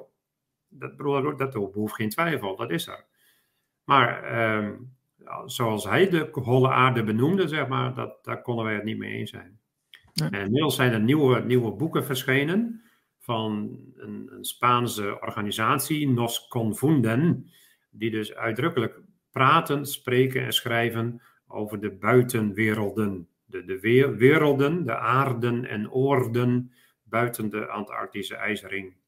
En dat komt nu allemaal naar buiten, in, in het Spaans, maar ook in het Engels uh, kun je dat nu allemaal lezen. Ja. We, weet je, wat ik, ik zie dat steeds langskomen en ik heb het opgezocht en ik kan het niet vinden of dit uh, werkelijk zo is. Maar je hebt inderdaad de platte aarde en dan heb je die, uh, de Antarctica is de ijsmuur daaromheen. Daarachter heb je ook nog een heel stuk met allerlei uh, continenten. En die kaart schijnt bij de VN te hangen. Maar ik, dat wordt steeds beweerd, maar ik kan er dus nergens terugvinden of dat echt zo is. Misschien weet jij even helpen. Kijk, de, de aansturende partijen, ze hebben de machthebbers, de controleurs, en noem dat even de elite, elite de kabal, de illuminati, die weten natuurlijk allemaal drommels goed hoe die aarde eruit ziet die, die, die, die flapdrollen, die wetenschappers, die Galileo en, en Kepler en Copernicus, en die waren allemaal lid van de vrijmetselaars, allemaal van dezelfde club. Dus moet je ook dezelfde gedachten als het ware uitdragen. Zij weten het wel. In een klooster in Tibet, daar zijn kaarten gevonden van de andere aarden en oorden. En inmiddels heb ik dus de kaarten al van de buitenvelden. En dat zijn er 177 aardgelijke continenten uh, die er zijn. Dus de namen staan er ook bij. Dus de, de werelden die buiten de Antarctische ijsmuur zitten. En die ijsmuur van Antarctica die is kunstmatig aangelegd. 500 jaar geleden was er nog geen ijsmuur. Dus wij konden zonder enige straf konden van, van dit plateau naar het plateau, bijvoorbeeld het eh, land van de voorouderlijke republiek. En dat is het een van de eerste gebieden die je tegenkomt. We konden zo naar Anakim, we konden naar Enika, we konden alle die gebieden konden we allemaal bezoeken. Maar wij zijn nu, we zitten nu in een soort gevangenschap door ook die ijsmuur. Maar de grootste gevangenschap is mentaal, spiritueel, door tegen de mensen te zeggen: U leeft op een bol. Want van een bol, daar kun je immers niet af. En dat is wat ze gedaan hebben. dus zij zeggen: Joh, jullie leven op een bol. Je hebt toch geen raket. Bovendien kom je hier met een raket ook niet uit. Dat zei Werner von Braun, zei dat zelf ook al. Hij zegt: Dat gaat niet lukken. Dat staat op zijn grafsteen te lezen dat de firmament, hè, dus de koepel, die is, die is real, die is, die is aanwezig. Wij komen in 3D hier niet uit. En op zich is dat maar goed ook, want wij zijn nog niet zuiver genoeg om, in die buitenwereld zeg maar, te gaan huishouden. Ja, dat is op zich maar goed ook. Maar het is nu, nu raak bekend, en nu bedoel ik mee twee, drie maanden geleden. Dan krijg ik de eerste documenten toegestuurd van, kijk, uh, dit, dit wordt buiten de Antarctische ring gevonden. Er is namelijk een schipper, William Morris, die is daar doorheen gevaren. Door de, door de zuidelijke ijsdoorgang, zeg maar. Ze hebben hem dus niet tegen kunnen houden. En hij beschrijft gewoon wat hij in zijn nou ja, onderzoekingen allemaal aantreft in de buitenwereld. Dus, dus William Morris, zeg jij? William Morris is degene die nu, dat was een navigator, een zeiler, zeg maar, een, een reiziger, die heeft boeken geschreven over wat hij daarbuiten allemaal aantrof. En dat is, dat is niet raar, want Admiral Byrd gaf dat in 1947 ook al aan. And there is more land to discover behind the ice walls. Nou, denk goed over na wat hij zegt in praatprogramma's. Er is gewoon meer land, groter dan Amerika, te ontdekken buiten de ijsmuur. Nou, niet één, er zijn dus 177 continenten buiten de ijsmuur, aarden, aardgelijke oppervlakten. Er is dus nog veel en veel meer wat wij niet weten en ook niet mogen weten. Want dan worden wij nieuwsgierig. Dan gaan wij boten kopen en onderzeeboten en vliegtuigen. Wij willen weten wat zich daar buiten bevindt. En degene die dit aansturen hier, die hebben klimatologisch techniek om bijvoorbeeld een ijsmuur te kunnen aanleggen. Voor hen is dat niet zo moeilijk. En wij kunnen dat zelfs visueel waarnemen aan de kleur van de zon. Als je aan kinderen van vroeger vraagt, teken een zon, dan tekenen ze de zon geel. Als je nu aan kinderen vraagt van maak een tekening van de zon, dan tekenen ze hem wit. En op het moment dat je over nou, zeg maar 60, 80 jaar aan de kinderen zult vragen teken een zon, dan tekenen ze hem lichtblauw. Dat betekent dus dat er iets aan de hand is met de straling van, van onze zon, namelijk dat die veel meer vernauwt. Als je een vuurtje aansteekt met een lucifer, is hij geel. Als je een vuur aansteekt met een bunzenbrander, oftewel je voert extra zuurstof toe, dan wordt de vlam wordt blauw. Nou, en dat is in wezen wat er met de zon gebeurt. Hij gaat van geel, zal hij uiteindelijk naar een soort blauwe straal, een soort blue beam, zal hij eigenlijk uh, gaan. En dat betekent dus dat de, de warmte van de zon en de hitte vernauwt zich op het aardoppervlak. Dat betekent dat de Noordpool aangroeit en ook de Zuidpool zal aangroeien, omdat de, de kracht, het licht en de warmte van de zon zal minder dat deel van de aarde bereiken. Ik heb ook begrepen dat uh, die ijsring waar je het over hebt, hè, uh, die is dus op een gegeven moment is die hier dus bewust geplaatst. Uh, moet je eigenlijk constateren. waren dat niet de Anunnaki die hier toen kwamen? Nee, dat zijn de uitvoerders. Oh, dat zijn de uitvoerders. Dat zijn, je hebt, als, je, als je iets bouwt, dan heb je een architect nodig om het te bedenken. En je hebt uitvoerders die dat moeten doen. Degene die die ijsmuur neergezet hebben, dat zijn de custodians. De, de, de watchers mag je dat noemen, de, de controleurs. Die hebben dat gedaan. Iedere keer als zij een kolonie uh, pakken, zeg maar een gebied pakken, en ze willen dat afschermen, dan zetten ze daar een muur omheen. Dat is maar ik dacht dat, uh, dat de Anunnaki de Watchers waren, maar dat is dus, dus niet waar. Nee, er zit nog een hoger. De Anunnaki hebben een eigen, eigen gebied waar ze leven, buiten de ijsmuur, zeg maar. Maar zij voeren uit, totdat er ruzie ontstond en ze eigenlijk nu niet meer samenwerken. Maar de, maar de Anunnaki waren eigenlijk de uitvoerders van een nog hogere ja, semi-materie, semi-materische groep. Niet alles is, is fysiek, hè, wat wij denken. Zelfs, mm. zelfs de Lemurianen en de mensen van Atlantis waren, waren bijna transparant. Het is een, je moet dat niet zien als, als. Wij zijn als mens heel diep gezakt in fysicaliteit. En dat beperkt ons enorm. Dat beperkt ja, we, hebben, we hebben in, uh, in de zomer hebben we een mooie lezing gehad bij de Radio Gletscher Zomerlezingen van Willemien Timmer. Die heeft er heel mooi beschreven. Uh, uh, over hoe dat was in de tijd van Atlantis. Dus dat is uh, voor de mensen die uh, dat interessant vinden, kunnen ze terugkijken op onze zender, op onze YouTube-kanaal van Radio Gletscher. Ja, ja dus. Um, ja, en we hadden Jeroen Arends ook, die had het over Antarctica, dus die is hier ook een keer geweest om daarover te praten. Dus, Heeft hij het over de Antarctische ijsmuur gehad of over de, wat hij denkt de Zuidpool?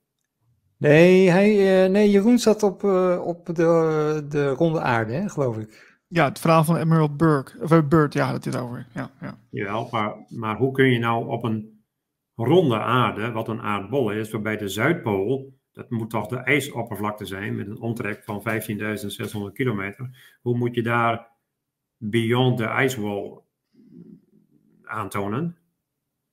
Dus ik begrijp Jeroen Aartsel niet, op het moment dat je snapt en weet dat de aarde een plateau is, eh, wat het eigenlijk is, dan zit er dus een, een beperking aan het, aan het eind. En dat houdt het water van de oceanen binnen. Of je nou een koffiekopje hebt, of een emmer water, of een badkuip, of een meer, of een oceaan. Je hebt een oever nodig, je hebt een eind nodig, zeg maar, voor het water. En in dit geval is dat natuurlijk de Antarctische ijsmuur. Ja, oké, maar daar heeft Jeroen het niet over gehad hoor. Dus dat, uh, nee, nee, nee, prima. Ieder, ieder zijn, zijn inzicht. Ja, ja.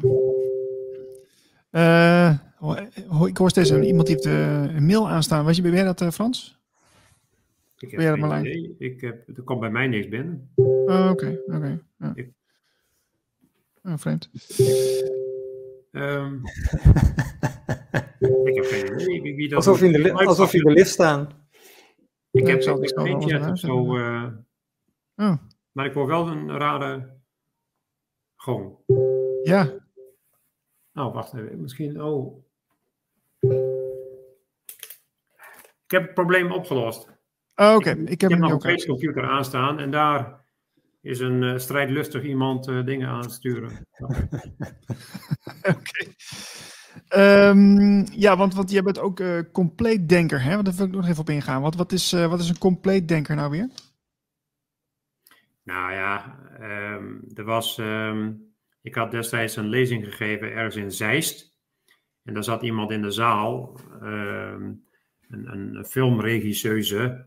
En die, ehm, daar noemde ik ook dat, ja, complotdenken, dat klinkt een beetje negatief. Je zou het eigenlijk compleetdenker moeten noemen. Dus iemand die een beetje doorgraaft en niet alles zomaar accepteert wat, wat iemand eh, zegt. Nou ja, eh, dat doe ik natuurlijk wel. Ik heb niet. Kijk, sinds corona er was, wat niet bestaat, hè, even vooral duidelijk, maar dan, dan kan ik niet meer organiseren. Geen congressen, evenementen, beurzen. Dus dat is twee jaar is dat stil komen te liggen. Dus er komt een heleboel tijd vrij om, om wat dingen te doen. Nou, ik zou niet op tv kijken, dus wat doe je dan? Je gaat in de materie duiken. En je begint met presentaties te geven, ook om een stukje broodwinning te hebben. Want ineens, ik had vier congressen per jaar, waaronder het Nederlands Vaccinatiecongres. Maar die konden dus allemaal ineens niet meer plaatsvinden. Waarschijnlijk, als het nu zo blijft, hè, en, en dan zou ik misschien voor volgend jaar weer één of twee congressen kunnen opstarten, misschien wel drie. En dat zou best wel kunnen. En dan moet ik wat meer aan de, aan de slag. En dan moet je wat meer dingen doen. Dus ik had heel veel tijd om dingen te, te bestuderen.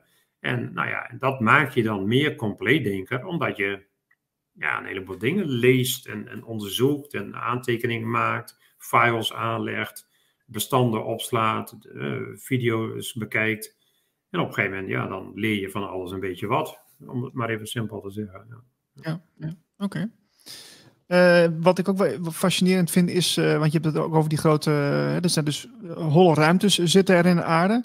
Maar ehm, eh, er, er schijnen ook, tenminste naar mijn informatie, heel veel dumps te zijn. Hè? Heel veel plekken waar dus experimenten gedaan worden of ja, ook wel hele lugubere praktijken plaatsvinden. Maar eh, wat, weet je daarvan? Heb je, heb je daar... eh, Ehm, er bevinden zich in Amerika en onder Canada en ook binnen Europa enorme eh, tunnelnetwerken die gebruikt zijn voor, door de Tartaren om zich onder de grond te vervoeren met maglev eh, wagens. Maglev is magnetische levitatie.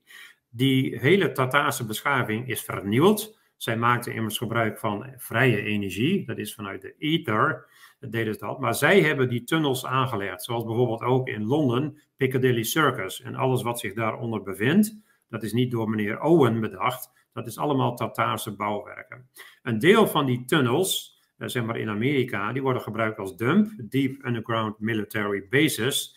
En daarin worden inderdaad praktijken uitgevoerd, eh, zeg maar buiten het zicht van het Amerikaanse publiek. Daar worden eh, opsla opslag vindt plaats van voeding, eh, wat Ameri- Amerika doet, niet dat zij die voeding nodig hebben, maar ze willen liever niet dat de mensen dat hebben. Dus kopen ze rijst en dat soort dingen op en slaan dat op onder de grond. Het is tegelijk ook eh, geheime basis. Hè, en er worden inderdaad ook met kinderen experimenten gedaan. Waar het op neerkomt is dat zij daar bloed aftappen, zeg maar, op het hoogtepunt van, van martelingen. En dan is het de adrenalinewaarden in het bloed is hoog en dan wordt dat op dat moment afgetapt. Die dumps worden nu structureel door zeg maar, de whiteheads, wordt dat nu vernield. Dus ze worden gedicht, ze worden via ontploffingen. Dus binnen, ook binnen Europa zijn al een heleboel gewoon niet meer functioneel. In eerste instantie zijn ze bij iedere oorlog, Eerste Wereldoorlog, Tweede Wereldoorlog, hebben ze een kans gezien om steeds meer van deze tunnels, oorspronkelijk van de Tartaren, om die te vernielen. Maar een aantal zijn nog steeds in gebruik. Dat, dat, dat klopt, dat, dat Ja. gebeurt nog steeds. Ja, die, die term eh, whiteheads, dat vind ik ook wel even boeiend. Want ik volg ook wel eens wat eh, podcasts van mensen die, die beweren dat ze daar eh, connectie mee hebben. Dat ze, dat ze er informatie van krijgen van whiteheads. En dan heb je ook nog natuurlijk de, de blackheads. die, die, die een soort inlichtingendienstenspel tegen elkaar uitspelen op de achtergrond, waar wij dus zogenaamd niks van weten. Ehm, maar hoe, hoe, hoe, weet je nou wat het, of, of het betrouwbare informatie is, Frans? Want ik, ik, ik volg het ook wel een beetje zijdelings, maar hoe, hoe weet jij dat dan? Nou ja, kijk, de eerste regel bij het uitvoeren van geheime operaties is zeg maar een totale stilzwijgendheid over wat je aan het doen bent. Dus je moet van de informatie vooraf, jongens, we gaan nu dit, we gaan nu dat, daar moet je niet te veel van aantrekken, want dat kan vaak misleiding zijn. Maar er is een groep, een behoorlijk grote groep, die op dit moment natuurlijk al lang doorheeft dat er een elite is die de mensheid zeg maar uitperst, zowel financieel als ook spiritueel, hè, en ook, ook kinderontvoeringen op touw zet, zeg maar. Eh, die daar tegen in, in actie komt. Nou ja, dat staat dan voor een deel onder leiding van meneer Trump, die, eh, die natuurlijk uh, opzettelijk weggeduwd is bij die tweede ronde verkiezingen. Maar die, die whiteheads, die zijn er. Het is een groep met, met prominente, prominente mensen die daarin zitten en die in het geheim, want je moet dat niet allemaal aankondigen, want dat is veel te vroeg. Je moet pas op het moment dat, dat, je, dat je eigenlijk de operatie afgerond hebt, moet je daarmee naar buiten komen en zeggen: jongens, dit hebben we gedaan.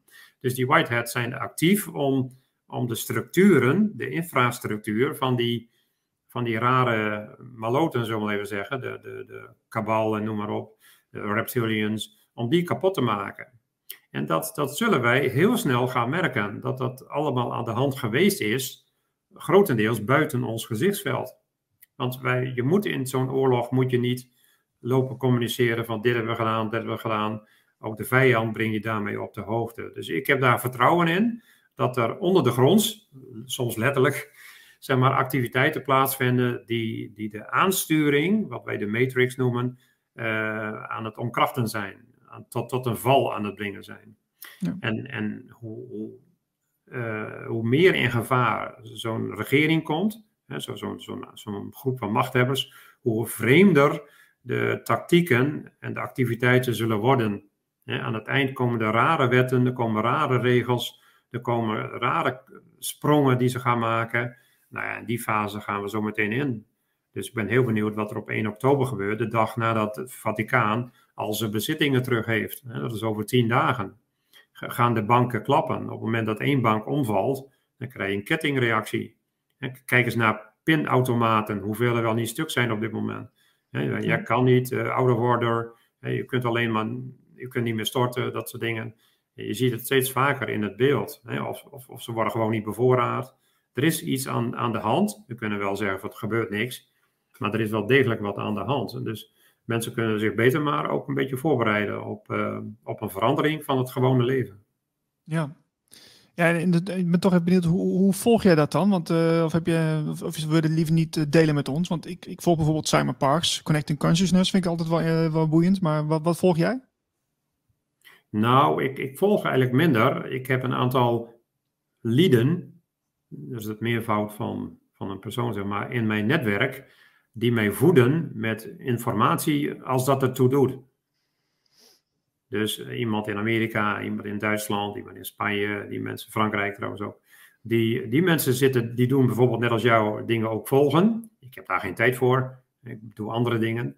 Maar op het moment dat er iets, iets toe doet, dan krijg ik van hen een melding van Frans let hierop of Frans let daarop. En dat zijn mijn bronnen, zeg maar. Ik ga niet zelf al die dingen kijken, want dat, dat stoort mij bij mijn werk, namelijk wat ik wil doen. En dat is eigenlijk misschien wel de enige woorden die duidelijkheid probeert te brengen over hoe de aarde is ontstaan, wat de aarde is, de vorm en de structuur, de werking van de aarde, dat soort dingen. Daar heb ik mijn handen eigenlijk al wel vol aan. Ja. Hoe is het bij jou Marlijn? Wat volg jij allemaal? Um, ik volg niet zo heel veel. Ik volg meer uh, de spirituele kanalen. Dus uh, dit, dit is uh, toch weer vrij 3D, hè? Dit soort dingen. Dus ja, eigenlijk wel. Het is, het is in de fysieke wereld en wat er allemaal speelt. En de complotjes en hier en daar. En, uh, nou ja, dan, dan, denken wij ongeveer hetzelfde. Ja, dat moet je ook, uh, dat moet je ook misschien niet, niet te doen, niet te veel. Want het gaat jou op een gegeven moment overnemen. Is op het moment dat jij met energie bezig bent.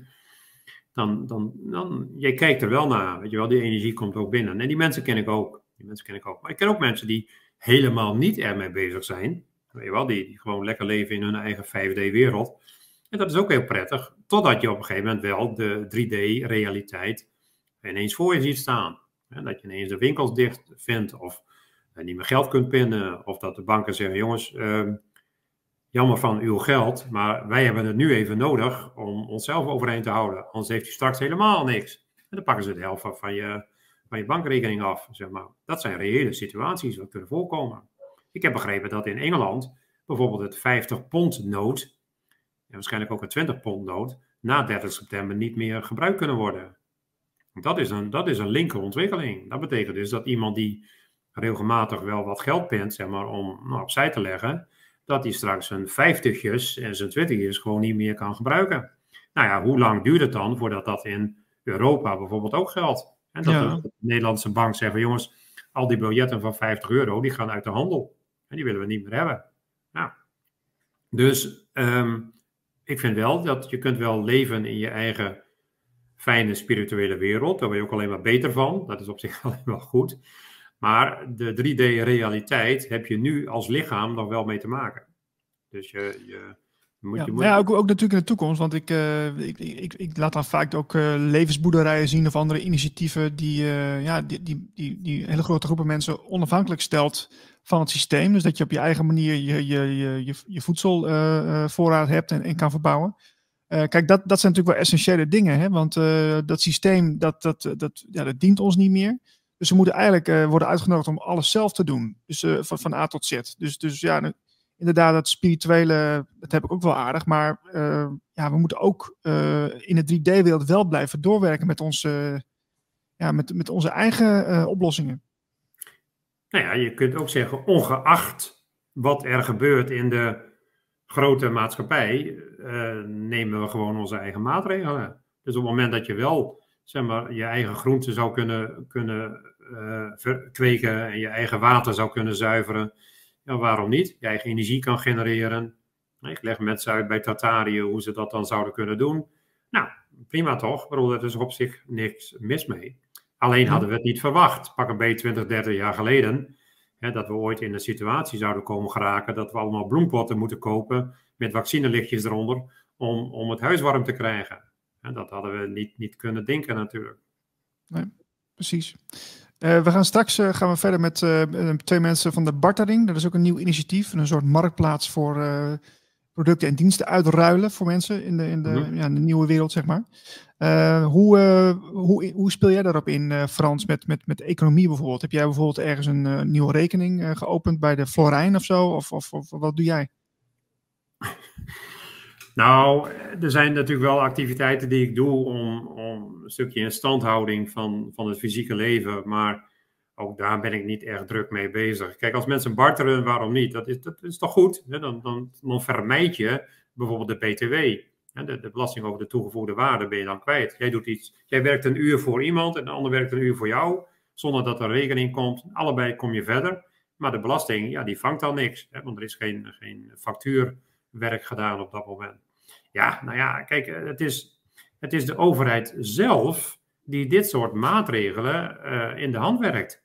Op het moment dat, kijk, de overheid moet je normaal helemaal niet over hebben. Je moet het niet eens merken dat het er is. Dat is de beste leiding.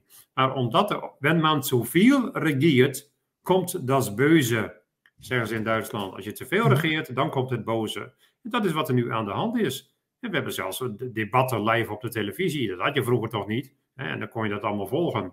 Man, die wist niet eens, ja, we hadden wel een regering, maar wat die allemaal precies uitspookte, dat wisten we niet. En nu is de regering, zeg maar, de centrale nou ja, activiteit en, en, en, macht geworden in het land. En daar gaat het fout. Want die, die politici, die psychopaten, die willen liever nog steeds meer van hetzelfde. Meer macht, meer aanzien, meer, meer status, meer vooral controle. Nou, en, en, en dus krijg je dat de burgers een, een, tegengeluid laten horen. Die gaan zelf hun eigen activiteiten ontwikkelen. En die gaan zelf hun dingen gaan doen. Die gaan onderling clubjes vormen. En, en, maar dat heeft te maken met, met de uitvoering. Tuurlijk stuurt meneer Rutte dit niet zelf aan. Hij wordt gedwongen. Het hele, het hele kabinet die krijgt gewoon een briefje van dit moet je doen. Klaar, Nederland is een bedrijf. Zorg dat je dat leegtrekt. Zorg dat de mensen op het gebied van energie en klimaat leeggetrokken worden. Dat, dat, is, dat is de bedoeling. Nou, en dan doen ze dat ook. Dat bedenken ze niet allemaal zelf natuurlijk. Dus ja, ik, ik juich andere initiatieven toe. En waarom niet? Het is, uh, ja, je kunt hoogstens zeggen, het is triest dat we dat zo moeten doen.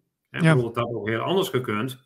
Maar ja, de realiteit is dat we ja, een soort uitzuigende overheid hebben die overal hun controle en macht willen laten zien, uiteindelijk ten behoeve van het geld. Niet dat de overheid het nodig heeft, maar ze willen niet dat wij het hebben. En hoe kun je nou duizend miljard uitgeven aan het klimaat? Wat wil je doen dan? spuitbussen met ozon ontwikkelen. Dan denk ik, nou, en dan spuiten we allemaal wat ozon in. Wat is het nou voor onzin? Dus ook al hoe zou je veel geld uitgeven aan het klimaat, hoe kun je een grootheid als het klimaat, wetende dat slechts 3% van de hele aarde bewoonbaar is voor mensen. De rest is woestijnen, zeeën, ijsoppervlakten, oceanen, waar geen mens kan wonen. En van die 3% is maar een promiel is werkelijk bewoond. Dus als het klimaat verandert, als het klimaat verandert, is meteen de vraag van, is dan de mens de oorzaak? Nee, de mens kan nooit en nooit de oorzaak zijn. Nee, maar die vragen worden nooit gesteld natuurlijk hè, in, in talkshows. Uh, daar, wandelen ze altijd heel mooi leuk omheen. En uh, als er dan een keer een onafhankelijke kritische wetenschapper is die het anders aantoont, ja, dan, dan wordt hij natuurlijk gecensureerd. Dus dat is het, het oude ah, spel wat we nu al uh, heel lang zien. En, ik, ik ja. snap de opzet en de werking van de fuik wel. Het is een klimaatfuik waar we met z'n allen inzwemmen. Ja. Maar dat is bewust bedacht. 50 jaar geleden al hebben ze gezegd van dat, dat wordt onze grote, grote eh, geldbringer. En wij mensen hebben te weinig kennis om een grootheid als klimaat te kunnen beoordelen. Maar dit is waar ze ons nu werkelijk op pakken. Terwijl de realiteit, u kunt niks doen aan het klimaat. U kunt daar niks, niks aan doen. U kunt wel rotzooi maken. Maar goed, dan hebben we het even over milieu. En je kan troep achterlaten op het strand. Maar je kunt een grootheid als het klimaat, daar hebben wij mens, heeft daar totaal geen invloed op. De aarde zelf weet hoe dat moet. De aarde is intelligent. De aarde weet zelf wat hij moet doen om het warm te krijgen of af te koelen. En, ik, en als zij daar vragen over hebben, wil ik dat wel eens een keer uitleggen. Hoe dat werkt.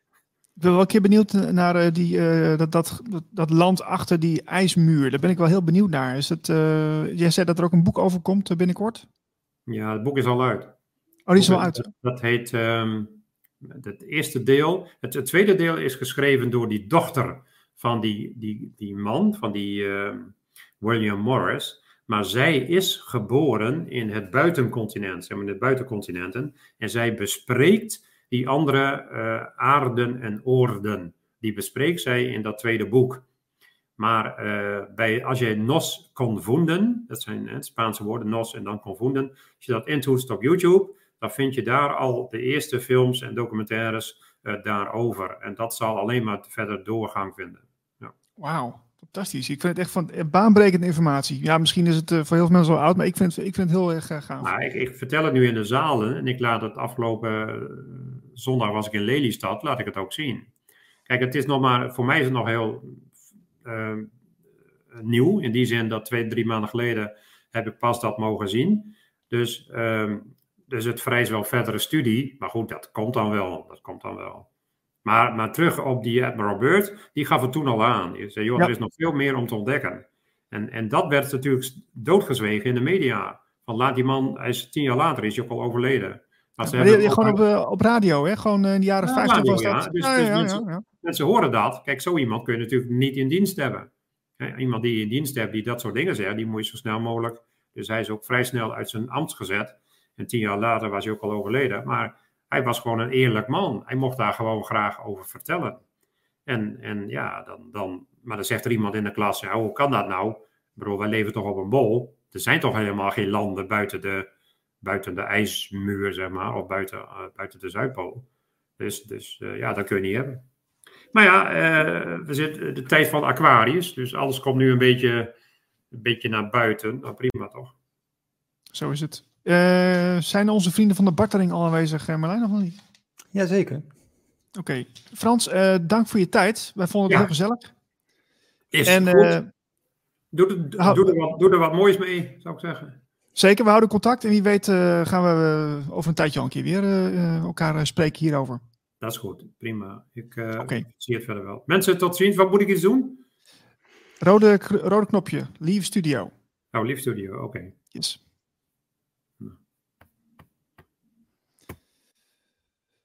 Dat was Frans Heslinga. En dan komen nu de mensen van de Bartering in de show. Hallo, goedemiddag. Goedemiddag allemaal. Hallo. Ik zie eh, links zie ik Jeroen zitten en rechts uh, Theresia. Welkom. Dankjewel. Uh, jullie zitten in het uh, mooie Friesland, denk ik, hè? Helemaal bovenin. Helemaal bovenin. Uh, jullie zijn de oprichters van de Bartering. En ja, binnenkort komt er een hele, hele goede podcast uit, hè? voor, ja. voor jullie. Ik ben benieuwd. ja. Uh, kan een van jullie uh, ons een beetje bijpraten voor de mensen die dan niet weten wat de bartering precies is? Nou, ja, ga. nou ja, um, ja, wij hebben gedacht er goed aan te doen om een, uh, een platform in de rug te gooien. Waarin um, mensen elkaar kunnen vinden. Hè, want ja, we zien allemaal een beetje waar het heen gaat natuurlijk. Hè, met de enorme kosten die we nou ook weer hebben. Met, de, met de energie hè, voor veel mensen niet meer op te brengen. De inflatie. Um, en ons platform, daarin beperk je niet tot geld alleen. Hè, en als geld dus echt schaars gaat worden voor mensen. Dan moet je ook zien dat je op andere manieren eigenlijk in je noden kunt voorzien. En dat hopen wij met, uh, met dit platform Bartering wel te kunnen bereiken.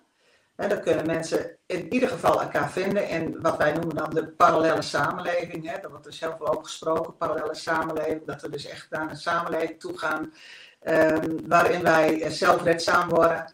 En um, ja, we denken daarmee uh, een, een, steentje bij te kunnen dragen aan, dat, ja, aan die ontwikkeling eigenlijk.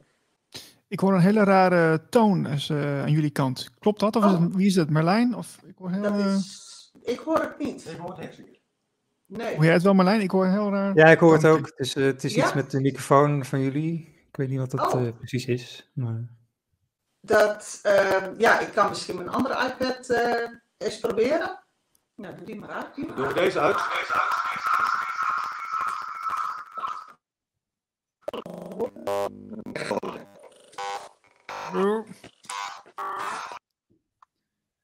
Hoe is het zo? Dan moet je die uitdoen, Jeroen. Hij staat uit. Nee. Dit is volgens mij wel beter. De bartering is dus een uh, platform, maar het gaat niet alleen over geld. Nee, Begrijp ik. nee. Het is ook echt dat mensen elkaar kunnen vinden. En uh, ja, zorgen dat je dus um, uh, lokaal ook mensen om je heen ja, organiseert eigenlijk. En dat je die um, online uh, kunt vinden. Want je zit namelijk ook met dat je op, uh, op, op, op, heel veel sociale media heb je natuurlijk veel mensen die in groepjes zitten. Maar sociale media, je merkt ook heel vaak dat mensen gewoon eraf gegooid worden vanwege de censuur. Gisteren nog. Gisteren nog, ja, ik werd gisteravond nog ergens afgegooid. Nou ja. op, een, uh, op een groep van 1500 mensen. Ja. En je hebt het hier over. En dan wordt het ineens als reclame gezien. En uh, ook geen waarschuwing en uh, je ligt eraf. Stop, bam, ik ben de hele gekeild. En dat is, ja. dat is niet op Facebook of op, uh, op Twitter, maar dit, dit was een, een, telegram. een, een Telegram groep. Dus, ja. dan vraag je, oh. dus dan vraag je bijna wie beheert dat? Ja, ik dacht dat Telegram was toch Russisch of niet? ja, ja, ja, ja. En, en, maar ja, dit is natuurlijk een Nederlandse groep en er zit een of andere administrator op natuurlijk. En en ja, ik, uh, ik denk het is een, uh, het leek mij een groep van wakkere mensen. Ik denk, weet je wat, ik ga dit eens even aankaarten. En gewoon een heel kort berichtje, meer niet. En er kwam discussie. En ik ga het uitleggen. Mensen stellen, begonnen dus vragen te stellen. Ik ga het uitleggen. En toen werd het als reclame gezien. En hup, mijn hele account weg. Ik denk, nou, jongen, jongen. mooi. Ja. ja, ja, ja. Om, uh, om zeg maar, dat te voorkomen, heb je ook een, ja, een soort database waar je elkaar ook uh, per gemeente of uh, nou ja, per provincie kunt opzoeken. Je kunt ook zelf contact opnemen en daar doen wij niks aan. Dus dat je gewoon beschermd bent. Dit platform is voor ons. Er zitten geen investeerders op of... Uh, geen subsidie, geen extern geld. Dus, en wij doen dit in principe nu 21 jaar, maar dan doen we het voor het MKB. En dat heet TradeExchange.nl. En, en dat beheren wij dus ook gewoon. En ja, daar willen wel eens mensen ook geld in investeren.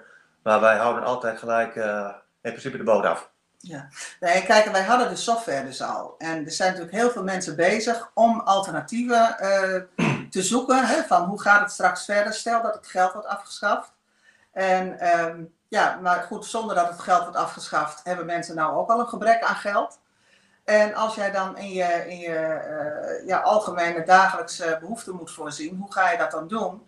Uh, nou, dan kun je ehm, ja, richten op uh, barter. Hè? Vandaar ook de term bartering. Hè? Barter betekent, ik weet niet, heel veel mensen weten, kennen de term misschien niet, maar barter betekent het algemeen is dat Engels term voor ruilen. Dus je kunt ruilen, rechtstreeks ruilen met elkaar. Maar je kunt ook uh, de bartereenheid daarvoor gebruiken. Dat is dan het complementair geld wat wij dan uh, gebruiken als ruilmiddel op dat platform. En um, ja, zolang de euro er is en zolang je daar ook beschikking uh, over hebt, dan kun je daar ook gewoon elkaar in betalen. Maar het gaat er juist ook om dat je, dat je elkaar wel kunt vinden en alvast een beetje um, de verbinding zoekt met die mensen op de platform om te zorgen dat je voorbereid bent. Ja. ja. Ik, ik snap één ding nooit van, uh, van geld. Hoe je namelijk de waarde van uh, één, één bartering of één euro, hoe je dat dan bepaalt. Want als de euro straks, een brood is nu 1 euro, straks is het 10 euro. Wat gebeurt er dan met de, de, de munteenheid van de bartering? Nou, wij willen eigenlijk, en dat is ons streven, maar ik weet alleen niet hoe mensen dat zullen oppikken. Maar die bartereenheid willen wij eigenlijk los hebben van, van de euro. He, want als de euro, inderdaad, wat jij zegt, als die zo heftig inflateert dat een brood straks een tientje kost, dan, dan als je die bartering-eenheid daaraan koppelt, dan gaat die dus ook uh, uh, devalueren. En ja, we willen dus eigenlijk uh, dat mensen dat zelf een beetje gaan, ja, gaan, gaan, gaan inschatten en die waarde gaan bepalen. Dus het is, je moet het een beetje zien, denk ik, als wij rekenen nu altijd nog terug naar de gulden. Ik weet niet of jullie dat nog doen. Ik doe dat nog altijd. Ja, soms wel eens, ja, maar dat schrik je wel hoor. Ja. nee, en als je dan uh, uh, dat een beetje zou kunnen doen met die battereenheid, dat je zegt van hé, hey, uh, een, een, een, brood was altijd, ik noem maar 1,50 en batteringeenheden, laten we dat dan ook zo houden. Hè, dus, um, maar goed, dat moet. ja, dat, is voor ons ook een experiment. Ja, we zijn nog niet zo ver, maar kijk, in principe een prei, twee preien kun je ruilen tegen één krop sla. Daar heb je eigenlijk helemaal geen euro's voor nodig. Nee, en dan kun je op die manier de waarde bepalen. Wat, wat is die krop sla jouw waard? Nou, als je de hele week sla eet, dan is die, krop, uh, dan is die prei ineens veel meer waard. die prei. ja, dat is wel heel doordacht, hè, dit. nou, in principe zijn we nog niet zo ver. Ik denk, als het zover komt, hè, want uh, ja, dat uh, digitale paspoort is ook alweer een beetje op de lange baan, als je dat allemaal wat volgt. Die, uh, dat zal al per 1 juli. Dus dat is ook niet gebeurd. Dus ik weet ook niet wat er gebeurt. Maar je moet wel voorbereid zijn. Ja. Kijk, en Bill Gates die zei ook alweer dat ze al zes jaar achterlopen op, het, uh, op die streefdatum van 2030. Ja. Dus uh, ja, er gebeurt van alles. Er is van alles gaande achter de schermen, denk ik, dat, dat, het, dat ze toch die doelen niet allemaal bereiken in de tijd die zij ervoor staan hebben. Dus ik denk dat we wel wat tijd hebben, maar het is altijd fijn dat je je in ieder geval kunt voorbereiden. En uh, ja, ik heb altijd een beetje gelachen om de preppers in Amerika. Ik, vond het, ik keek het programma wel eens op uh, History Channel, was dat geloof ik. Doomsday Preppers. Uh, Doomsday Preppers. Maar ja. Zover is het nu wel. Het is wel zover dat we een beetje moeten gaan preppen en een beetje voorbereiden. En ja, dat kan nooit geen kwaad, denk ik. Um, dus de, de bartering, jullie hebben een eigen website, debartering.nl. Ja, uh, hoe, hoe, hoe, kunnen mensen zich uh, aanmelden als ze daar komen? Wat, wat moet je dan doen? Um, nou, er staat gewoon een aanmeldlink. Hè. Kunnen mensen kunnen gewoon even opklikken, uh, hun gegevens invullen. Kan met een alias. Hè, want ja, even voor de privacy ook. Sommige mensen vinden het niet leuk om het naam en toenaam er allemaal op te staan. dus een alias is oké. En dan wordt er een account aangemaakt. Moeten ze nog wel eventjes activeren. En het activeren, dat gebeurt zodra ze dus het de bijdrage voor het hele jaar betaald hebben, wat dus neerkomt op goed 2 euro per maand. Dus um, nou, dat is voor iedereen wel betaalbaar. Daarnaast hebben we ook nog, als ze dat gaan delen binnen hun eigen relaties, dat ze uh, daar ook voor beloond worden. Dus dat is ook wel leuk. Ja. En we hebben nu nog mensen, zodra ze dus aanmelden, krijgen ze ook 25 battereenheden als welkom op hun eh, account gestort. Kunnen ze alvast een beetje mee gaan eh, handelen. Ja. En merken jullie nou de mensen die nu eh, zich aanmelden, zijn het, is het door heel het land heen? Of is het meer mensen die in, Ja. in, in, in de provincie wonen? Of kun je er niks van zeggen? Echt door het Eh, hele land heen, zelfs naar België aan toe. eh, ik meen ook Zeeland erbij. Zeeland, Eh, België, Limburg. Limburg. Ja, alle het provincies zagen het Ja. al wel eh, Ja. mensen zitten. Ja. ja, het is nog niet heel veel, maar we lopen al eh, zo tegen de 50 mensen aan. En ehm, dus ja, zonder eh, dat er eigenlijk echt veel rugbaarheid aan is gegeven, is dat nog niet slecht, vinden we. Nee. Nee. nee. Het is eigenlijk een soort marktplaats, toch dan? Ja. marktplaats. En eh, daar kan mensen, hè, mensen kunnen daar kennis op delen. Men kan daar evenementen op delen. Maar je kunt daar natuurlijk ook eh, andere dingen aanbieden. eh, bijvoorbeeld zorg of eh, eh, voedsel of eh, ja, producten, Ontmoeten, diensten. Ja, meetings, ja, wat je wil. Hè, dus het is heel breed. Je, kun- je kunt ook denken aan eh huizenruil, vakantieruil. Eh, je bed en breakfast, ja, noem maar op. Eh, mensen zijn natuurlijk ook op zoek naar dat soort mogelijkheden. En ja, dan is het natuurlijk wel fijn dat je dan ook een beetje bij gelijkgestemden terechtkomt. Hè, dat, eh, want dat staat ook weer garant voor leuke gesprekken. Net als dat wij afgelopen winter tijdens de lockdown hier een Speak Easy Private Dining hebben gerund in onze eigen keuken. En ja, je kon niet naar de restaurants. Ik denk, nou, dan laten we het restaurant naar ons toe komen. En dat hebben we dus ook, bieden wij dus zelf ook weer aan op die barteringmarktplaats. Hè, want dat gaat misschien deze winter, eh, ik hoop het niet, maar stel dat het weer gebeurt, dan gaan we dat zeker weer doen. Want dat stond garant voor eh, erg leuke gesprekken en erg leuke contacten. Ja. Ja, je, je houdt er ook best wel leuke eh, contacten aan over, hè, vaak. Dat merk Ja. ik ook eh, bij de, de, de evenementen die worden eh, gegeven en eh alle bijeenkomsten. Dat je, je, je opeens een hele uitgebreide vriendengroep eh, hebt. Zeker weten. Ja, we hebben veel mensen verloren. Ik denk eh, heel veel mensen tijdens de corona. Eh, familie, vrienden, die er allemaal anders in staan. En eh, ja, die ons als gekke paranoia wappies zien. Ja, maar En- weet je wat het, maar het, andere mensen juist, die komen dubbel das weer terug. het vervelende is? Dat als je een gesprek aangaat met iemand nou ja, die je niet echt goed kent, je moet zo voorzichtig zijn, want je wordt gelijk neergezet als, als idioot of nou ja, iedereen kent dat wel. En als je in dit eh, ja, netwerk een beetje bivakkeert, ja, weet je toch dat je op dezelfde eh, golflengte zit. Je hoeft niet met alles eh, eens te zijn over Rusland, Oekraïne. Heeft iedereen ook een mening over. Die heb ik ook, maar dat ventileer ik ook niet op, op het internet. Maar gewoon de mensen die weten dat hier een agenda achter zit, hè, die agenda 2030, eh, Klaus Schwab. En het worden er steeds meer. En iedereen die weet dat dit ja, heel moeilijk te stoppen is. Het zal stoppen, denk ik, op een of andere manier. Maar in die, eh, in die jaren moeten wij onszelf wel verenigen. En daar is dit eh, ja, ook eh, voor bedoeld, denk ik. Ja, absoluut. Toch? Dat is een van de hoofdredenen. Ja. Hm. En je moet het jezelf je, zo makkelijk mogelijk maken. dat, eh, dat het gezellig blijft. Je kunt elkaar helpen. En eh, Ja. ja, de tijd van wachten is gewoon over. Ja. Hè? Ik je moet we kunnen doen. allemaal een beetje in een hoekje gaan zitten kniezen van, oh, wat is het allemaal erg, wat hebben we het allemaal... eh, hè? eh, maar ja, we zullen toch wat moeten doen en eh, zelfredzaam worden. en er zijn gelukkig veel meer initiatieven. En daar hebben we ook op onze website een link staan. Dus zijn er meer mensen die met iets eh, ook bezig zijn. Stuur mij een mail, ik zet het op de website. Want wat meer mensen hiermee bezig zijn, wat moeilijker het wordt voor de, wat wij noemen de deep state. Want daar zijn ze niet van gediend, dat wij vindingrijk zijn. Hè? En wij zoeken weer wat op. Dus wij zijn als mensen gewoon heel erg eh, ja, eh, bezig met zeg maar. Ja, wij- Gewoon overleven. ja. Ja, is, is het inderdaad al overleven? Want ik, ik heb, eh, wanneer was het? eh, zondag heb ik met, met eh, Anthony Michels en met iemand Ja. anders een podcast opgenomen over eh, ja, een, een nieuwe economie opzetten, maar ook over voedselvoorraden. Eh, hoe, hoe dicht zijn we bij dat punt dat we, dat, dat, we niet, dat we echt daarin moeten kiezen volgens jullie? Zijn we zo dichtbij? Nou, qua voedsel zal het misschien nog wel. eh, daar, dat valt nog wel een beetje mee. Maar je ziet gewoon dat die energieprijzen. Ik ken nu al zoveel mensen die, eh, die voor het blok worden gezet. Ik sprak gisteren nog iemand die zei: haar man die was nog eh, weer aan het werk gegaan op 76-jarige leeftijd. Want als jij van 200 euro naar 800 euro gaat met je energiekosten. en je hebt je pensioentje en alles is afbetaald, nou dan kun je weer aan het werk. En, en dat zie je dus, dat, dat is iets wat ik heel veel om me heen hoor. Mensen die gewoon het energiecontract loopt af. En, ehm, ja, en ineens komen ze voor zulke enorme kosten te staan. Nou, wij hebben het geluk dat wij hem vijf jaar vast hebben staan. Maar goed, uh, heel veel mensen zitten niet in die positie. En dus ik denk dat dat wel uh, het, het grootste, uh, ja, grootste impact heeft momenteel. Ja, wij zitten in een omgeving hier waar enorm veel boeren zijn. Dus ja, ik koop al enorm veel bij de boeren. Ik haal de melk bij de melktap.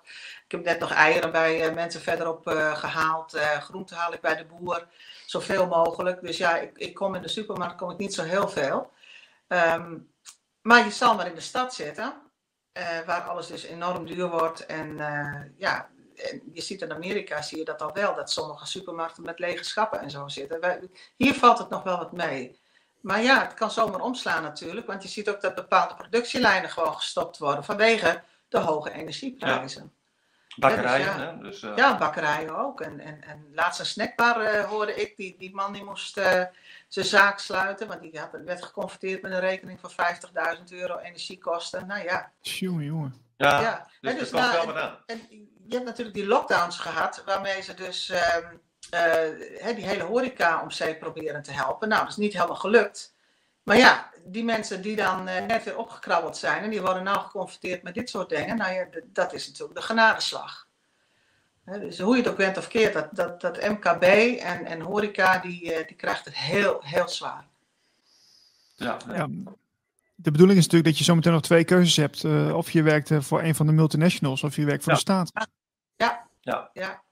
En ik gisteren op een begrafenis en dan sprak ik ook met iemand en, uh, die ik van vroeger kende. En ja, die had mij niet meer gezien sinds ik een heel klein meisje was. En die vrouw die wist ook wel dat het niet allemaal klopte. En ik vertelde haar eigenlijk in een minuutje eigenlijk hoe het zat. En ze had de tranen in de ogen. Zo had ze er nog niet eens over gedacht. Maar zo. Ja. Ik zeg, god, ik zeg, sorry dat ik je hier zo mee overval. Ik zeg, het is niet de bedoeling. Maar ik zeg, wij gaan hier naar een dictatuur, een tirannie, uh, als we niet met z'n allen opstaan en hier wat aan doen. Hè? Ze ja, ik weet ook wel dat het allemaal niet klopt, maar ja, ja. Ja, je moet, je moet zien, die laatste 2,5 jaar... Kijk, in het begin toen dat uh, COVID opkwam ja, heel veel mensen geloofden dat en die, die zijn meegegaan. Uh, artsen zijn meegegaan. Maar nu, het gaat in zo'n zo'n uh, stroomversnelling. Ja. Hè, dat je dat ziet met uh, schaarste en, en die energieprijzen. En het valt gewoon op. Hè, er zijn, we hadden vorige week een, nou, een paar mensen gebeld. gewoon even klanten bellen. Twee mensen achter elkaar. Die zeiden, we worden besodemieterd door deze ja. regering. En dat zijn mensen die dat anders ze zijn nooit iets zouden- explicieter, maar ga ik niet vertellen wat ze precies zijn. Maar het kwam op hetzelfde neer. Het gewoon iedereen op zijn eigen manier komt hier langzamerhand Ja. achter dat het niet meer klopt. Nou, het positieve is dat jullie eh, nu eh, met de bartering eh, zijn begonnen. En eh, klopt het dat jullie ook een nieuwsbrief hebben je, eh, nu, of niet? Ja hoor, ja. Ja, ja, We willen in ieder geval eh, elke week even een, eh, een update sturen. En ehm, eh, ja, als mensen zelf ook input hebben, dan kunnen ze ons dat ook even laten weten. Dan sturen we dat ook rond. Maar ehm, mensen kunnen ook zich gewoon aanmelden voor die nieuwsbrief. Ik geloof dat jij hebt die link op LinkedIn staan. Ik heb het ergens opgezet van mijn ja, dus stel dat je nog geen account wilt of daar nog niet... Ja, je bent nieuwsgierig, je wil Ja. weten wat, wat de ontwikkelingen zijn. Want ik snap wel dat eh, ja, alles zit achter een betaalmuur, dus je kunt niet zien wie daar, wie daar aan deelneemt. Dus ja, ik snap dat wel. Dus eh, stuur maar gewoon een eh, zo'n verzoekje en dan kun je de nieuwsbrief ontvangen wat er ja, zo gaande is. En wat we nog gaan doen, maar dat is nog belangrijker. Er komt een grote Oh. aan de A32 ja, dat, die komt Die ook komt, eh, eh, vanaf eind van 1 de maand. oktober. Ja. En eh nou, Dus meer interview- mensen daar even op, eh, op te wijzen. En eh, ja, toch een beetje nieuwsgierigheid te triggeren ook. Hè? Ja, hè, dus wat we ook in jouw podcast hebben gezegd, eind van het jaar is toch doel dat we toch wel een 200, 250 mensen op het platform hebben, denk ik. Ja. Dat, is, dat is wel het streven. Ja. ja, dat moet eind van het jaar wel. Ja, Heel gaaf. Ja, eh, vrijdag komt de podcast eh, online op mijn YouTube-kanaal van de Nieuwe Tijd podcast. Dus mensen die dat eh, willen zien, eh, ga er eventjes eh, naar kijken eh, eind van de week. En ehm, ja, wij willen jullie heel veel succes wensen de komende tijd met de bartering. Nou, dankjewel. eh ja, en jij ook heel veel succes met, eh, met al jouw eh, ondernemingen. Ja. Hè? De goed bezig. radio. En ik vond het trouwens leuk dat je, hoe heette die man nou, uit Winsum? eh Hesling. Ja. Ook ook leuk. Ja, die heb ik laatst ook een keer gezien ergens. Eh, Ja, ja, ja. interessante, interessante Ja. man. eh. Over, eh, Dus ik zal ook eens wat vaker naar je, naar je radio eh, gaan luisteren. Helemaal goed. Ja, en voor de, ja, alle spirituele informatie moet je naar radioglacier.nl. Ja, nou leuk. Eventjes Zo is het. Ja, Eh, wij gaan weer verder en eh, wij houden contact erover. En ehm, ja, nogmaals, eh, wij wij spreken elkaar en heel veel succes. Ja dankjewel. En bedankt eh, bedankt dat wij eh, hier even weer eh, aanwezig mochten zijn. Zo is het. Fijne Oké. middag. Jullie ook. Hoi hoi. Hoi, hoi. Hoi. De bartering, ja, dat is eh, belangrijk dat mensen dit eh, gaan volgen. Eh, je hebt natuurlijk ook de Florijn, waar je eventueel naartoe kunt gaan. Voor een alternatief voor het geldsysteem. Heb jij daar al een beetje mee in verdiept, Merlijn? Of ben je bezig met goud of zilver? Of, eh, Ja, het is of eh, alternatief, alternatief geldsysteem, of eh, bitcoin, of goud, of zilver. eh, of gewoon wachten tot de digitale munt. Of, ja, ik, ik heb toch al een tijdje geleden besloten daar niet, daar niet zo in te staan. Ik sta er anders in. Ik denk van, ik heb al een aantal dingen meegemaakt waarvan ik dacht, dit is geen toeval gewoon zeg maar in mijn eigen leven, dat je op een bepaald pad wordt gezet door een bepaald iemand die dan even je leven inkomt en dan, nou ja, ga je even een andere kant op. Je wordt gewoon gestuurd. Er is geen toeval. Je, wordt, eh, hè, je, moet- je moet er wel voor openstaan, maar je wordt gewoon geleid. Je wordt gewoon door je leven heen geleid, zodat je kan doen wat je moet doen hier. nou ja, dus eh, dat heeft niks met geld te maken, zeg jij. Nou, kijk, als ik een ingeving krijg of ik eh, ontmoet iemand en het resoneert. En die zegt, eh, die zegt Bitcoin of die zegt Ethereum of die zegt goud. En dan eh, denk ik, ja, dat moet ik doen. Niet omdat het de nood aan de man is of zo. Niet omdat het dan eh, hè, zo erg is van, oh jij, ik moet iets, ik moet iets. Maar dat gebeurt meestal iets daarvoor. En dan als het dan allemaal klapt en eh ga, grote chaos, dan ben, je, dan ben je gewoon al voorbereid. En dat komt omdat je gewoon meegaat in die, in die stroom. Dus, eh, maar dat is dus nog niet eh, gebeurd bij mij. Oké. Nou, bij mij ook nog niet. Ik, eh, ik, zie, ik heb wel leuke gesprekken gehad met mensen die ermee bezig zijn, dus ik weet wel er wat van. Maar de definitieve knoop doorhakken, dat is bij mij nog niet helemaal aangebroken. Dus ja, goed. Ik, ik word in ieder geval wel heel positief van alle mensen die daarmee bezig zijn. Dat geeft me toch wel het idee van, nou kijk, dat, ik sta er niet alleen voor. En nou ja, er is hulp onderweg, dus dat is heel fijn. Ehm, we zijn eh, bijna aan het einde van onze uitzending gekomen. Radio Gletscher en Lunsing en Van Dobbe. Ehm, wil jij nog even iets kort behandelen? Of zeg je van nou, we kunnen zo wel naar het einde? Ik heb, eh, dat heb ik ook, eh, heb ik dat aan het begin gezegd? Ik heb drie dingen voorbereid, maar jij gaat gewoon, jij gaat gewoon door, hè? Dus eh, de tijd is gewoon eh, op op een gegeven moment. Je had mogen zeggen hoor, voor mij mag je ingrijpen. Ja, ik had er niet zeggen, Frans, eh, nu is het afgelopen, we stoppen ermee. Nee, maar Frans is ook wel interessant hè? Eh, dus ik had deze van Alice. eh, ja, ik denk dat het kapel is. Ik denk niet dat het kappel is. Ik denk dat het kapel is. En ehm, wij vroegen haar over de energie van, wat is natuurlijk eh, 21 september. En heel veel mensen die hebben het nu over 22 september, dat dan echt de echte equinox is. Eh, en wij vroegen haar ernaar en ze had helaas geen tijd om, eh, om live hier te komen. Maar ze heeft wel iets eh, geschreven over de komende energie van de komende maanden. De herfst, equinox, staat voor mij voor een mooie periode waarin de energie je on- ondersteunt om jezelf bij te staan voor tijden waarin je in, in je al je kracht mag zijn en nodig hebt. Het is een tijd om de controle te verliezen. Hey, om inzicht te krijgen waar je die controle in wilde hebben. Om te mogen overgeven en toe te geven aan de nieuw verworven ruimte, gevuld met de zielsverlangende liefde van jezelf. Een tijd van, en dit schreef zij uh, wel grappig, uh, niet uh, immens, maar immens, een tijd van immens snelle mogelijkheden van zelfinzichten toe te passen en ruimte te maken voor al wat je mag ontvangen. De sluier tussen de verschillende dimensies voel je dunnen. En dus shiften we makkelijker naar andere tijdlijnen. Het lijkt alsof ons leven ineens in rap tempo verandert. Een tijd van afscheid nemen en geboorte tegelijk. En wat is nou wat? Het voelen van de zwaarte van polariteit, om zo de onderdelen van jezelf te laten harmoniseren in rust. In welke onderdelen mag je meer zelfverantwoordelijkheid uh, nemen en in plezier durven ontvangen? Wat gun je jezelf? Welke waarde geef je aan wat? Wat is je eigen waarde?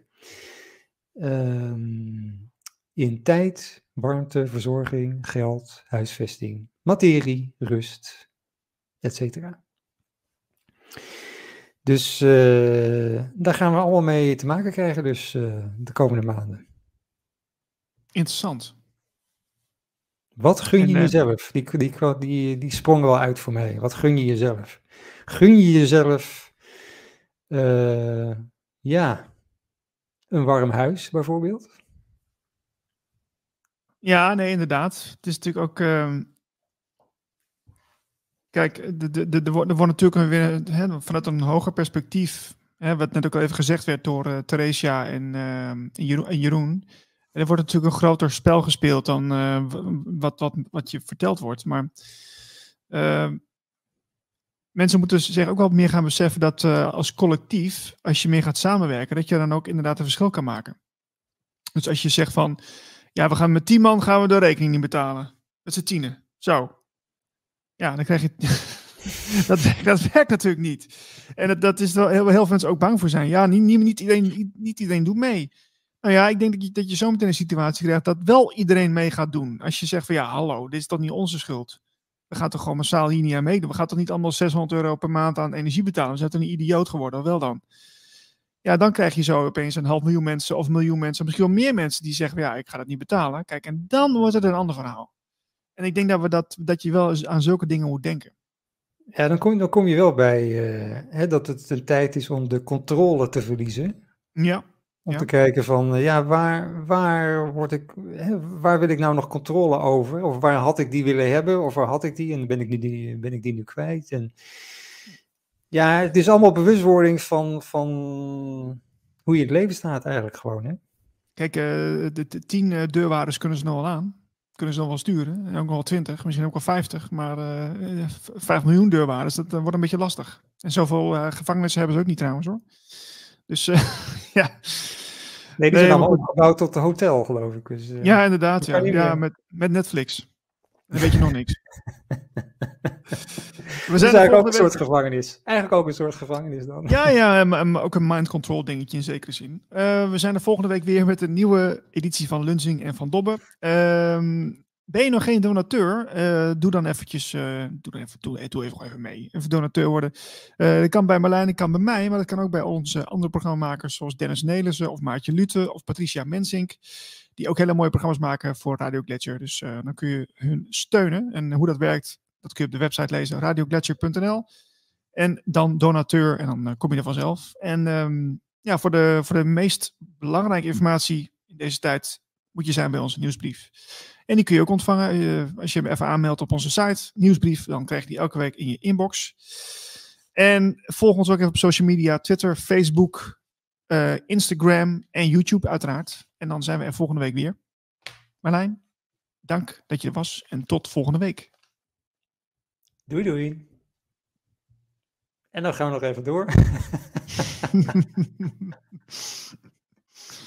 ja. Ja, we gaan nog even door. Um, ja, ik ga zo een stukje wandelen. Ik weet niet hoe het met jou zit. Het is, uh, het is best lekker weer ook.